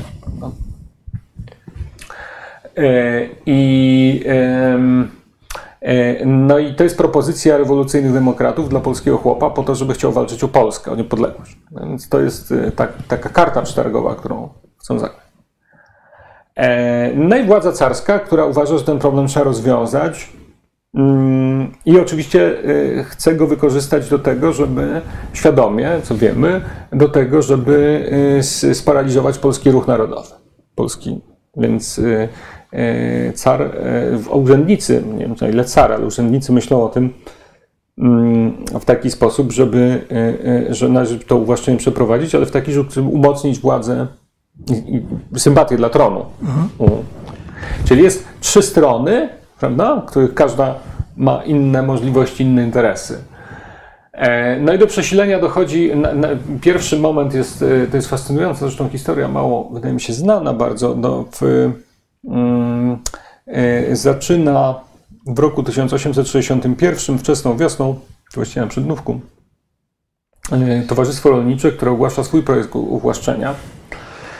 E, I no, księża czytują z ambon list tej, tej, tej sprawie. Natomiast chłopi bardzo często wtedy odbierają to jako obietnicę, że w ogóle nie muszą już odpowiadać pańszczyzny i odmawiają powszechnie pańszczyzny. Więc mamy gigantyczny bunt chłopski na wiosnę 1861 roku, obejmujący dużą część Królestwa Polskiego, który to bunt jest tłumiony z, z oddziałem wojsk rosyjskich. To znaczy dziedzice apelują, proszą wojsko rosyjskie, tak, żeby zmusiła tych chłopów do, do pracy. Do pracy. tak się dzieje. Są ekspedycje takie pacyfikacyjne, właściwie są drastyczne opisy zresztą tego, co tam te wojska robią. Mm, I to jest ciekawe, bo to są często ci sami dziedzice, którzy dwa lata później namawiają tych samych chłopów do tego, żeby poszli do powstania. Mhm. E,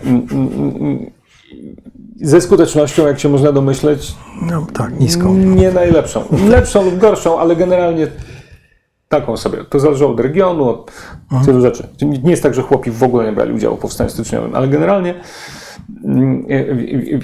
w każdym razie entuzjazmu tam bardzo często nie było.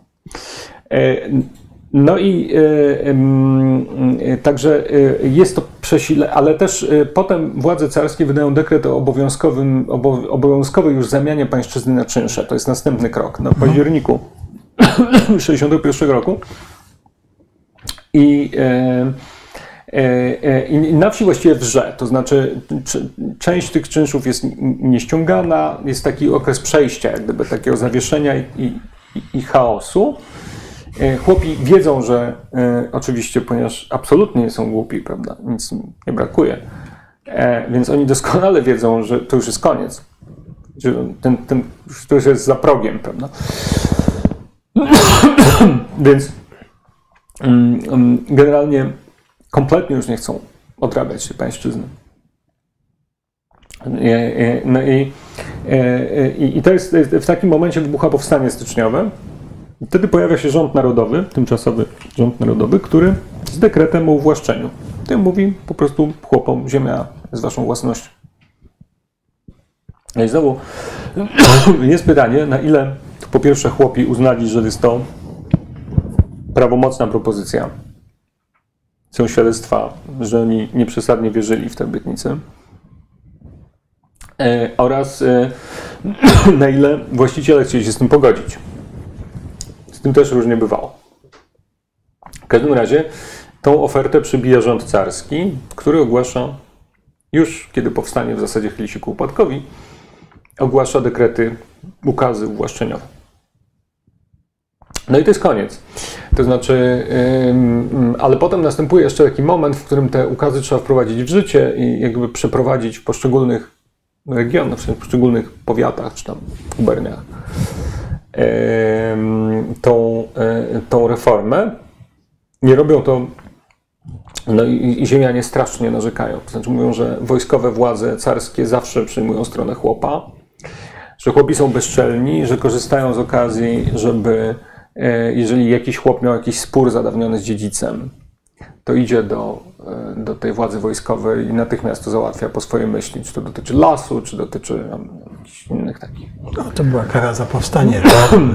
Tak, tak, to było świadomie zaprojektowane, znaczy kara, no też, ale też y, y, w zasadzie po ogłoszeniu przez, przez władze carskie y, ukazów uwłaszczeniowych poparcie dla powstania wygasa właściwie No tak. na wsi.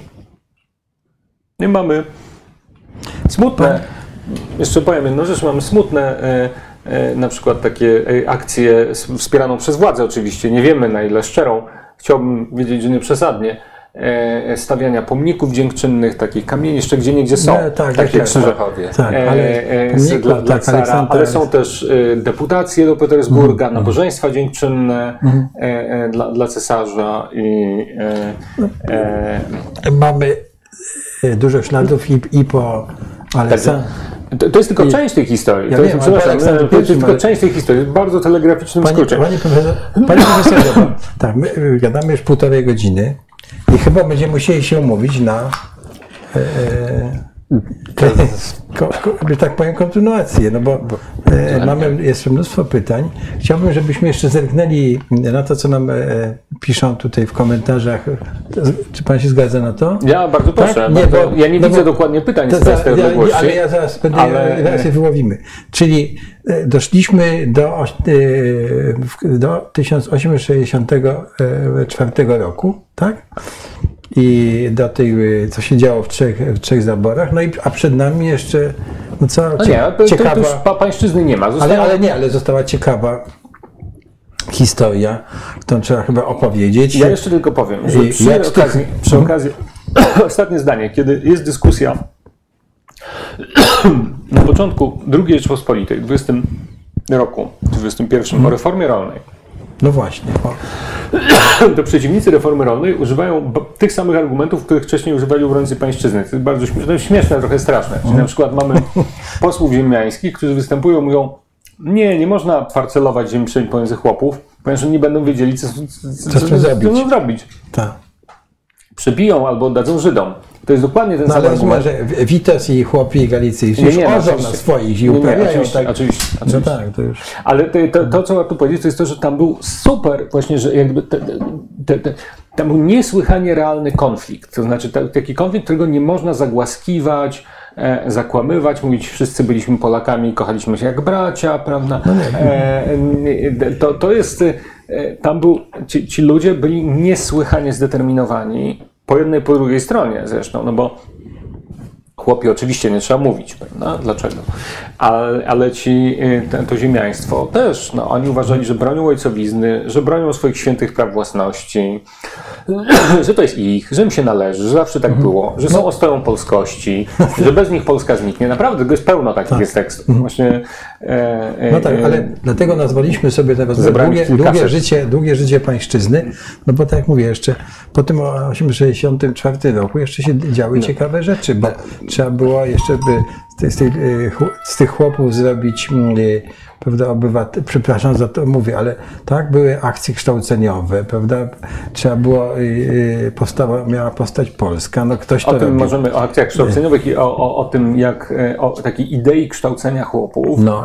E, to, też musimy porozmawiać, bo to jest długa, to ma długą No, historię właśnie. bardzo. Y, mm, Więc to jest wszystko, co Pan nam powiedział, Ciekawą. żeby było pa- pasjonujące. O wiele rzeczy żeśmy nie zdołali zapytać. Na przykład, mnie, zaraz wrócimy do tego, e, e, mnie cały czas interesuje na przykład drobna szlachta. Bo w tej, w no, nie było coś chyba takiego, że byli, nie wiem, szlachta mazowiecka, czy no jest takie powiedzenie, tak ula brachta dyginęła szlachta. no, ale Czyli, zaborcy, zaborcy robią listy szlachty. Tak, ale ja, już mhm. w różnych okresach, w różnych momentach, prawda? Mówi się o szlachcie wylegitymowanej, prawda? Więc e, i wprowadzają de facto cenzus majątkowy. Czyli sz- szlachta, e, która miała tradycje szlacheckie i była szlachtą zagrodową, powiedzmy, albo nawet w ogóle szlachtą bez majątku w, drugiej, w pierwszej Rzeczpospolitej, ona formalnie przestaje być szlachtą. Zaborach. Tak. Tak, prędzej czy później. To się różnych, różnie działo w różnych, w różnych miejscach, ale No ale a ci, którzy mieli, tak jak nie wiem, prawda, mamy tą szlachtę na Podlasiu, tak? Te przysiłki, No gdzie oni- było po kilka... oni się ma- uważali za szlachtę, ale z punktu widzenia e, tych ukazów. Nie? e, władz nią nie byli.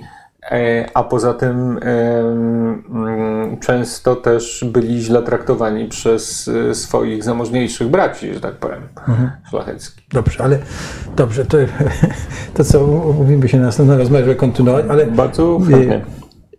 y, to byśmy do tych, spróbujmy wyłapać jakieś pytania, mamy ich dosyć dużo i komentarzy. Dzień dobry, dzień dobry, dzień dobry. Pańszczyzna to jeden z najbardziej zakłamanych tematów. No tak, no to ale to ja wiem. To nie sama zakłamane. pańszczyzna była zła, tylko twarda Pan pańszczyzna. pisze. Tak, Znaczy jest tylko- twarda i nie twarda. Nie, no pańszczyzna, pańszczyzna rozumiem, tak jak.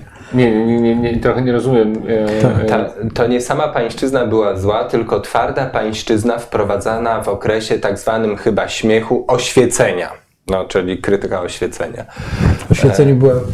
No, No chyba nie, no, nie, to- bo jeszcze y, był ten okres y, próby reformowania tej pierwszej Rzeczpospolitej. Mówimy tutaj o, o drugiej połowie XVIII wieku, prawda? Komisji Edukacji Narodowej. Czy w ogóle ktoś myślał o tym, żeby chłopów polskich edukować? Albo e, czy y, w tej, ci reformatorzy, y, którzy. Nie, na zasadzie idei to e, Tak. bardziej niż, e, niż praktyki. Jest niezła monografia o Komisji Edukacji Narodowej. tutaj To tak było- nawet o tym pisze. Także.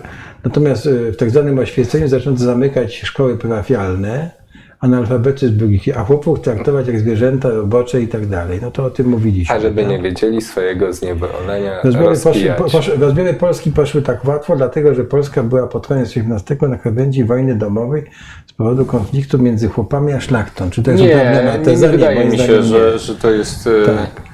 E, Że to jest, e, e, że to jest, że to się da obronić. Nie zgodziłbym się. Tutaj pan pisze, pierwotnie szlachcic był po prostu politycznym reprezentantem ludności chłopskich. Yy, Nie wiem, co ludności to znaczy pierwotnie. Też nie wiem Zamieszka? pierwotnie, ale nie wiem, nie, nie, ale tu jest ciekawe, bo pan dalej pisze, że słowo chłop znaczy po prostu zwykły człowiek. Norman Davis w, w tej książce Boże Egzisko wywodzi słowo chłop od tego, że ch- chlop był, e, e, że to była nazwa, słowiańska nazwa niewolnika, czy nie? E, Więc używano różnych, różnych słów wówczas. Używano, jest na przykład w książce Skrzetuskiego, wydanej w 1780 roku o, mm, to jest już tytuł, tam jest cały rozdział o, e, te- taka projekt reformy tak. państwa i taka diagnoza Wi- Wincentego Skrzetuskiego. Mm, I on wymienia nazwy, którymi e, tych nazw jest kilka, prawda? Mamy kmiecia, mamy włościanina, mamy em, wieśniaka, mamy e, chłopa e, i on i ten Skrzetuski komentuje tak, że no, ja nie wiem, że też chłop to jest najważniejsza osoba, w, w, w cały kraj na nim spoczywa. Nie wiem, dlaczego to nazwa stała się, to imię stało się zelżywe, używa takiego słowa. No, znaczy nie wiem, dlaczego ono stało się pe- pejoratywne. No. A- Więc y, jest to, ale też na przykład sz- szlachta pisała, e, używała zawsze, e, bardzo często, nie zawsze, ale zawsze na przykład pisała chłopek. Chłop. No ale to, to już jest pejoratywne. Albo, e, albo mm, nasi chłopkowie, nasi chłopi. E, Nasi jest, wiadomo, nasi są naszą, tam jest taka dwuznaczność w słowie nasi. Nasi nie jako członkowie naszej wspólnoty, ale nasi, którzy są naszą własnością. No tak. Em, więc, y, y, Ale ci mówimy nasi ludzie. Ale na przykład pisano bardzo często w XIX wieku o włościanach. Prawda? To jest bardzo No szlachetna nazwa. Nie ma Bardzo szlachetna, ale czy ona się różniła od tego e, e, kogoś, kto był chłopem, czy właśnie się? Wydaje mi się, że mniej pejoratywny, e, po przeczytaniu pewnie kilku tysięcy tekstów na ten temat, e, wydaje mi się, że na, na moją intuicję językową miało to mieć mniej pejoratywny wydźwięk. To znaczy, bym- że e, oznaczało to to samo, ale było pozbawione takiego e, czy pogardy, czy lekceważenia, czy takiego negatywnego nacechowania. Włościanin brzmi szlachetnie, prawda? No tak, bo od włości. Od włości. Tego, że po, po, Nawet by sugerowało, że on jest jakimś właścicielem czegoś, tak, że te włości są jego. pochopnie, Tak. pochopnie sugerowało, bo bardzo często nie był. No, było o samorządzie chłopskim mówiliśmy wtedy, wieś pańszczyźniana, no, nie ma oficjalny, e, to mówiliśmy o tym, e, e, był zależny od chłopa. Tak? Dziś mamy, tam było, możesz na górę, Tak. tam był taki I tak, okej. I nie obrońców niewolnictwa też, bo to ten sam Tak. argument. Ale mówi coś takiego. Okej, chłop jest poddany. W porządku. Mhm. To prawda. Nie jest wolnym człowiekiem. Ale popatrzcie na robotnika. Albo popatrzcie na mieszczanina. Czy on jest wolnym człowiekiem? No nie. Jak nie pracuje, to nie je. To nie jest żadna wolność, prawda? To jest niewola. No, tak, no. Tak ten argument wyglądał. Ten, ten on, y, y, I używali go tak samo właściciele niewolnictwa. E, Właściciele niewolników amerykańscy mówili, no przecież my się troszczymy, oni mają wszystko u nas, ci niewolnicy. Tak, samo nasi ziemianie pisali, No to to- oni mają wszystko, my się nimi opiekujemy. Ale Jak ma problem, przychodzi do mnie. Książkę pan E, zaczyna, książkę pan zaczyna przecież od tego Kajetana Węgierskiego, który przecież o tym e, w swoich pamiętnikach e, napisał. To, to, to, Ale to też, a czy robotnik w angielskiej fabryce jest wolnym człowiekiem? Pytali. I to i nasi, e, i nasi, e, i nasi ziemianie, i amerykańscy plantatorzy stawiali dokładnie to samo pytanie. Czy robotnik w angielskiej fabryce jest wolnym człowiekiem? Oczywiście, że nie jest. Jego położenie jest gorsze od położenia naszego niewolnika czy chłopa. E, musi sam musi sam sobie radzić. Nie ma pracy, to głoduje. Tak. A gdy chłop głoduje, chłopa to ja spali. muszę mu pomóc. Jak chałupa się spali, to muszę odbudować. Idzie na ulicę, tak, a no, tamten idzie na ulicę. z tym bankiem jest jeszcze to ciekawe, że e, tak rozmawiając właśnie w starych jabłonkach z różnymi osobami, no to, to Tam, to rezonowało, spotkanie. to z- rezonowało w ten sposób, na przykład Amerykańscy y, właściciele niewolników użyli, użyli nawet takiego terminu, który tam chodził e, wówczas w, w tej literaturze wage slavery, czyli niewolnictwo zarobków, pracy zarobkowej. E, I często pisali, że ono jest gorsze od tego niewolnictwa na plantacji. Niektórzy jakby porównując swoją sytuację obecną, e, odwołują się, jakby używają tej pańszczyzny i mówią, no dobra, no to, to, to jest jakaś taka analogia, że moja rodzina prowadzi duże gospodarstwo rolne, żeby móc produkować i sprzedawać musiała zaciągnąć kredyty na zakup na maszyn, nasion, dzierżawę ziemi. Nie ma takiej możliwości, aby na przykład z powodu choroby w danym roku nie uprawiać ziemi, bo nie byłoby z czego spłacić kredytu, ale też wypadlibyśmy z obiegu. Czyli tutaj ten taki wątek z tym bankiem ma też jakieś swoje No tak, e, to ja współczesne oczywiście. odsłony. Oczywiście, bo i tu, i tu mamy do czynienia z przymusem, ale jest jednak różnica w sytuacji, kiedy przymus jest, e, e, wydaje mi się, że jest. Kiedy przymus jest z, ze strony banku, który daje kredyt, a ze strony, ze strony ekonoma czy karbowego, który przychodzi albo pod starościego i może po prostu sprać kogoś, e, e, albo pobić, albo bardzo, e, jeżeli nie wyjdzie do pracy na pole. No, to jednak, nie jest ten... jednak sprzętu wszystkich, jak nawet była egzekucja długu bankowego, to sprzętu wszystkich nie zabierzesz, tak? bo, bo jest ochrona jakaś prawna. No, także różnica jest. Bo ja chcę wrzucić coś takiego, że e, w te współczesne dyskusje o pańszczyźnie często właśnie porównują, e, wykorzystują ten motyw tego banku do tego, żeby powiedzieć, no to trochę ta nasza sytuacja z tymi kredytami jest podobna do tego, jak e, sytuacja tych chłopów pańszczyźnianych, bo tu musimy ciężko pracować, żeby te kredyty spłacać. To jest taki jakiś e, odprysk. Sytuacja zależności przymusu ekonomicznego nigdy nie jest przyjemna. No, Niestety. No. Wszyscy to wiemy. Ale, ale tak powiem, że e, Ja to wiem, też mam kredyt. Komentarz, no. branie kredytu, jest pan chłopem pańszczyźnianym. Nie, nie, oczywiście nie. ale to też tak w Ale, tym... dobrze, weźmy do tych tak, wiem, wiem, Tutaj pan no. pisze, nie wiem, czy potrafimy to skomentować. W Anglii szlachta już w XIV wieku odebrała chłopom ziemię i dotąd nie oddała. W XVIII wieku po stłumieniu powstań jakobickich rozciągnięto ten system na szkockie. To chyba jest, e, musimy to, e, chyba to jakoś nie, nie, nie trzymać. System był zu- zupełnie inny, był angielski. Nie wiem, czy on był lepszy, szczerze mówiąc, natomiast z pewnością nie miał, e, bo tam był system dzierżawców, takich dużych latyfundiów dzierżawców.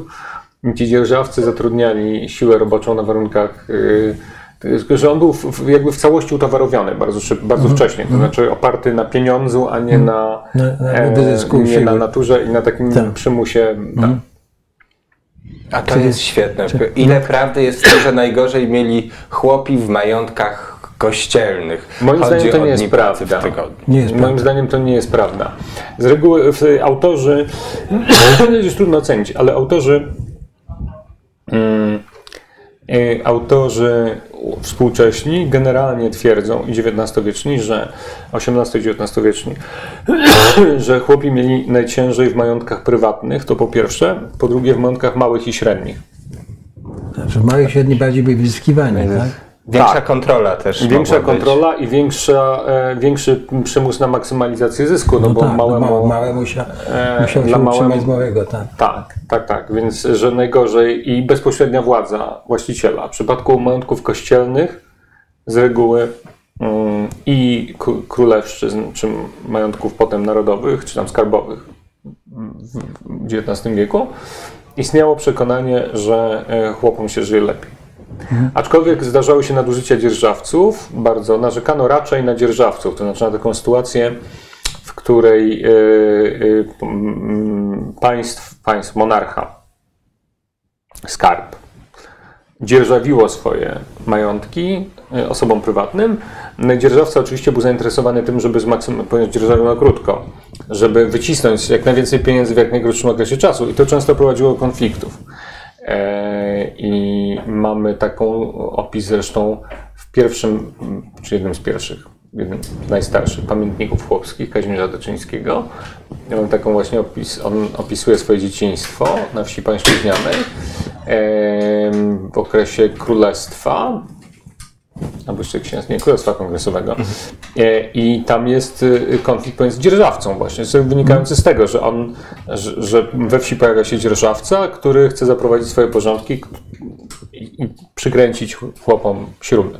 Zmienia miary, podwyższa je i tak dalej. To jest. O, to tu jest, ty, ty, ty, technik było bardzo dużo, Bardzo naprawdę, technik było naprawdę bardzo dużo.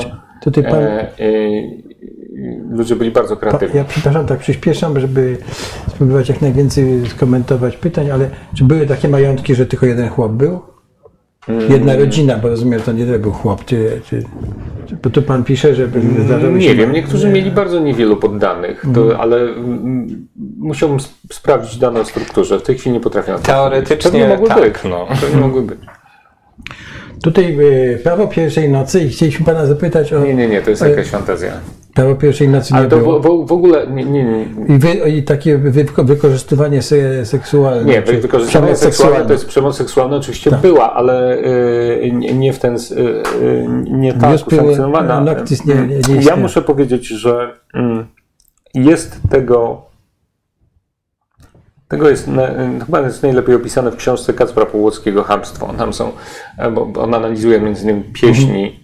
I czytałem niedawno taki artykuł o, o bajkach i pieśniach ludowych, w których są zaszyte ślady przemo- opowieści o przemocy seksualnej ale em, mm, ile realnie tego było, nie, jest bardzo trudno powiedzieć.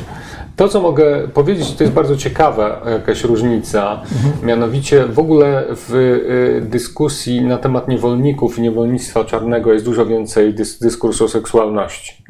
E, Na ziemiach polskich mówi się o nim bardzo niewiele i w bardzo ogólnikowy sposób, że czasami się mówi o rozpuście na przykład w różnych kontekstach albo rozwiązłości, ale bardzo rzadko, relatywnie rzadko. Polacy, e, jeżeli dyskutują, ja nie mówię, że przemoc seksualna nie była, oczywiście była, tylko mówię o tym, mm, e, że jest bardzo trudno. Mówimy o pomocy, przemocy wobec poddanych. Poddanych. Tak. tak, tak. E, Ale też mówimy o reale, e, reali- realiach świata, w którym często tą przemoc inaczej definiowano niż dzisiaj. To, to jest skomplikowane. E, Nie chcę bagatelizować tego zjawiska, bo tylko Tak, mówię, że nie, po prostu rozumiem, o- tak. był to świat innych reguł trochę. E, I, I na przykład w tamtym świecie, jak rozumiem, zmuszenie żony do, e, do seksu nikt nie uznałby za przemoc, Za gwałt. tylko za wyegzekwowanie swego prawa. E, naturalne, jak gdyby oczywiste. E, e, także, właśnie, ale- ale to podaję jako przykład, to podaję jako przykład e, e, tego, że był, był to świat innych trochę, Czy- mm, innych reguł. A tutaj, tu, Przepraszam, wrócę do tych niewolników, jeszcze bo chciałem, chciałem skończyć tą myśl, więc jest dużo bardziej rozbudowany dyskurs o seksualności w odniesieniu do niewolników na plantacjach i to jest jedna z kluczowych różnic mm, w pisaniu o chłopach i o niewolnikach tam, o niewolnikach i chłopach tutaj, które to pisanie jest bardzo podobne pod różnymi względami. To jest istotna różnica, to znaczy anglosascy au- au- autorzy piszą więcej o seksualności, e, piszą o potrzebie kontroli, nadzoru, e, kontroli płodności, także w tym sensie, że im zależało na przyroście naturalnym. Niewolnicy nie chcieli się rozmnażać. Słusznie, zresztą trudno się dziwić, ale e, tam na przykład w, w, w instrukcjach dla plantatorów zaleca się na przykład płacenie, e, o- opłacanie matek, których e, niemowlęta przeżyły 7 dni co najmniej. E, Albo przeżyły tam kilka miesięcy, więc właściciel opłacał, znaczy sugerowano, Czy że. coś w rodzaju hodowli. No nie, ale żeby z, z, nagradzał utrzymanie dziecka przy życiu. No bo chciałby... Więc jakby tej, tej dyskusji w ogóle w Polsce nie ma. E, To wynika z różnych, te warunki były inne, tam ci niewolnicy byli często z- skoszarowani, u nas mieszkali w, w e, chłopi mieszkali w gospodarstwach, ta sytuacja nie była porównywalna. do- e, Ale y, na, też bu- był duży dyskurs wokół seksualności e, Afrykanów, którą uważano za niebezpieczną, wymagającą kontroli i nadzoru. W Polsce w zasadzie to w tych tekstach, które ja znam, tego praktycznie nie ma. E, I na przykład nie mówi się u nas o rozwiązłości, o potrzebie kontroli rozwiązłości jako czymś, co e, e, wybuchnie, jeżeli niewolnicy przestaną być niewolnikami. To było tam, prawda? U nas takim zagrożeniem moralnym, które się wiąże z, z, z odebraniem kontroli przez właściciela, było pijaństwo. To znaczy, tam było to dużo bardziej o seksie, a tu było piciu. Nie wiem, co to mówi o Polsce, e, ale. No coś mówi, tak, tak. E, e, czy, czy, ale ale y, to, to tutaj jest pijaństwo jako to główne zagrożenie moralne, a nie rozwiązłość, Mhm. które jest. y, mm, I kradzież, to jest w obu. W obu, y, w obu tych, znaczy i tam, i tutaj. E, Ale tam się właśnie mówi o rozwiązłości, kradzieży i pijaństwie, kradzieży na pierwszym miejscu, a u nas się mówi o, o pijaństwie i kradzieży em, i lenistwie jako takich głównych zagrożeniach moralnych. Dyskursu wokół seksualności jest w tym, nie wiem czy to z powodu pruderii, ale ci anglosasi też byli pruderyjni strasznie, więc e, e, czy po prostu mm, mm, nie, nie wiem z czego to wynikało. To jest bardzo, ale jest to bardzo wyraźna różnica. Taka, która się daje po przeczytaniu iluś tam Czyli setek tych to, to tekstów daje się pierwszej nocy i tak dalej, to jest w ogóle Nie, nie, taka legenda, taka w ogóle legenda, troszkę legenda. Nie, nie, tak? Przemoc seksualna oczywiście była. Jest, y, y, jest pytanie, na ile mm, no, y, na ile ona była postrzegana jako przemoc i w którym momencie ona była postrzegana jako przemoc. To znaczy, co ten właściciel musiał zrobić, żeby uznano, że, że rzeczywiście zgwałcił Według E, tam, tamtejszych według tamtejszych reguł, co było ówczesnych reguł, tak, tak. co było akceptowane, co nie. Trudno jest to, źródeł jest relatywnie niewiele i one są często schowane, to znaczy na przykład właśnie zaszyte, a te opowieści są właśnie zaszyte powiedzmy w pieśniach ludowych. Więc one nie tyle mówią nam o konkretnych przypadkach, co o, o, o tym, że takie zjawisko miało miejsce, ale, ale trzeba bardzo głęboko No, by, być Trzeba może, bardzo głęboko być kopać, może były, były te schowane ze względów e, pruderyjnych przez o, ofiarę, prawda? I Być przy- może było to tak, wyparcie traumy tak, też, tak, można też tak, tak, argumentować. tak, można, tak. e, znaczy różne. E, e, ja muszę powiedzieć, że nie mam, e, e, że, że, że nie pisałem dużo na ten temat. Hmm. E, I on mi się wydaje bardzo trudny, to znaczy trudny do zbadania w inny sposób niż antropologiczny, no, niż za pomocą technik dostępnych dla antropologa, e, ponieważ materiał źródłowy jest. e, mm, no, no mamy na przykład w księgach wiejskich sądowych różne historie dotyczące życia seksualnego chłopów i tego, co było dopuszczalne, a co nie i kiedy. E, I o tym profesor Tomasz Wiślicz napisał tak. fascynującą książkę, bardzo ciekawą książkę. I jeszcze parę artykułów, ale e, więc e, polecam lekturę, jest bardzo No interesująca. to było nie czci niewiesk, niewieście i coś było takiego, tak? E, zaraz sobie przypomnę No w każdym razie. tytuł. No nie, nie, nie, nieważne, w każdym razie jest to bardzo dobra książka. Na i- półce, też nie pamiętam. I ona jest napisana na, na aktach, na, na wiejskich księgach sądowych. Na, i na, jest taką analizą tego, co tam można znaleźć, czego z nich można wyczytać. Ale to dotyczy relacji pomiędzy chłopami, czyli relacji w rodzinie między, nie wiem, mm, młodymi, jeszcze niezamężnymi osobami we wsi. E, Ale tam nie ma ni, nic z tego, co pamiętam, o relacjach pomiędzy dziedzicem a, a, poddanką. Wiemy, że były, ale one były poza jurysdykcją sądu wiejskiego, więc nie ma, mm, Nie ma śladów. nie ma śladów w tych księgach. E, I też jest pytanie, czy w ogóle coś z tym można było zrobić realnie. Nawet jeżeli formalnie było to karane, gwałt na poddance był, zdaje się, jakoś formalnie karany, z tego co musiałem tu sobie przypomnieć. E, ale co, co ci chłopi mogli zrobić w zasadzie? Tak, jakby by inaczej było ze sz- szlachtą i szlachciankami, bo tu mamy chyba jakieś ślady, na przykład y, chyba w, u Fycza Modrzewskiego, który pi- pisze o prawach kobiet, że Poza tym właś- właściciel miał naprawdę dużo środków przymusu i przekupstwa, żeby skłonić kobietę do tego, żeby. e, Znaczy nie musiał Używać bardzo przemocy. często nie musiał używać przemocy w, tak, w sensie przemocy fizycznej, bezpośredniej, prawda? Tylko właśnie przekupstwa albo szantażu, nie wiem, albo no, mamy ten ślad w tych, jak to się nazywa, żeńcy chyba. U, u. jest w wielu różnych miejscach. Tak. Albo to jest właśnie w literaturze, w pieśni, w takich. Tak. takich Panie profesorze, na dzisiaj, Odebrało mi już głos. Tak. właśnie, na dzisiaj musimy skończyć. Dziękuję I- bardzo za zaproszenie. Nie, no my bardzo dziękujemy, ale rozumiem, że da się Pan skłonić jeszcze, żeby dokończyć tę opowieść. Chętnie, E, tak. Dobrze, dobrze, bardzo dziękujemy. Dziękujemy Państwu Państwu, za komentarze. My te kom- pytania i komentarze, których nie powiem, spiszemy i wrócimy przy następnym e, spotkaniu. Tak, to będzie dobry też punkt wyjścia do Jeśli Pan nas rozmowy. jeszcze w ogóle nie, nie znienawidził za te prawie dwie godziny gadania.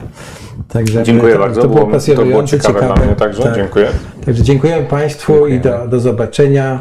A chciałem Państwa zaprosić przy okazji jutro z, z wiceministrem byłym e, Antonim Podolskim. Będę rozmawiał o e, niemilitarnej e, odporności strategicznej państwa, co jest w dzisiejszych czasach dość ważnym problemem. A będziemy mówili też w kontekście katastrofy na Odrze, no i oczywiście w kontekście wojny na Ukrainie e, czy jak u nas ten problem jest rozwiązany i czy jest. Ale to zapraszam na jutro też na szóstą. Dziękujemy panie profesorze. Dziękuję, Dziękuję bardzo. bardzo. Dziękuję.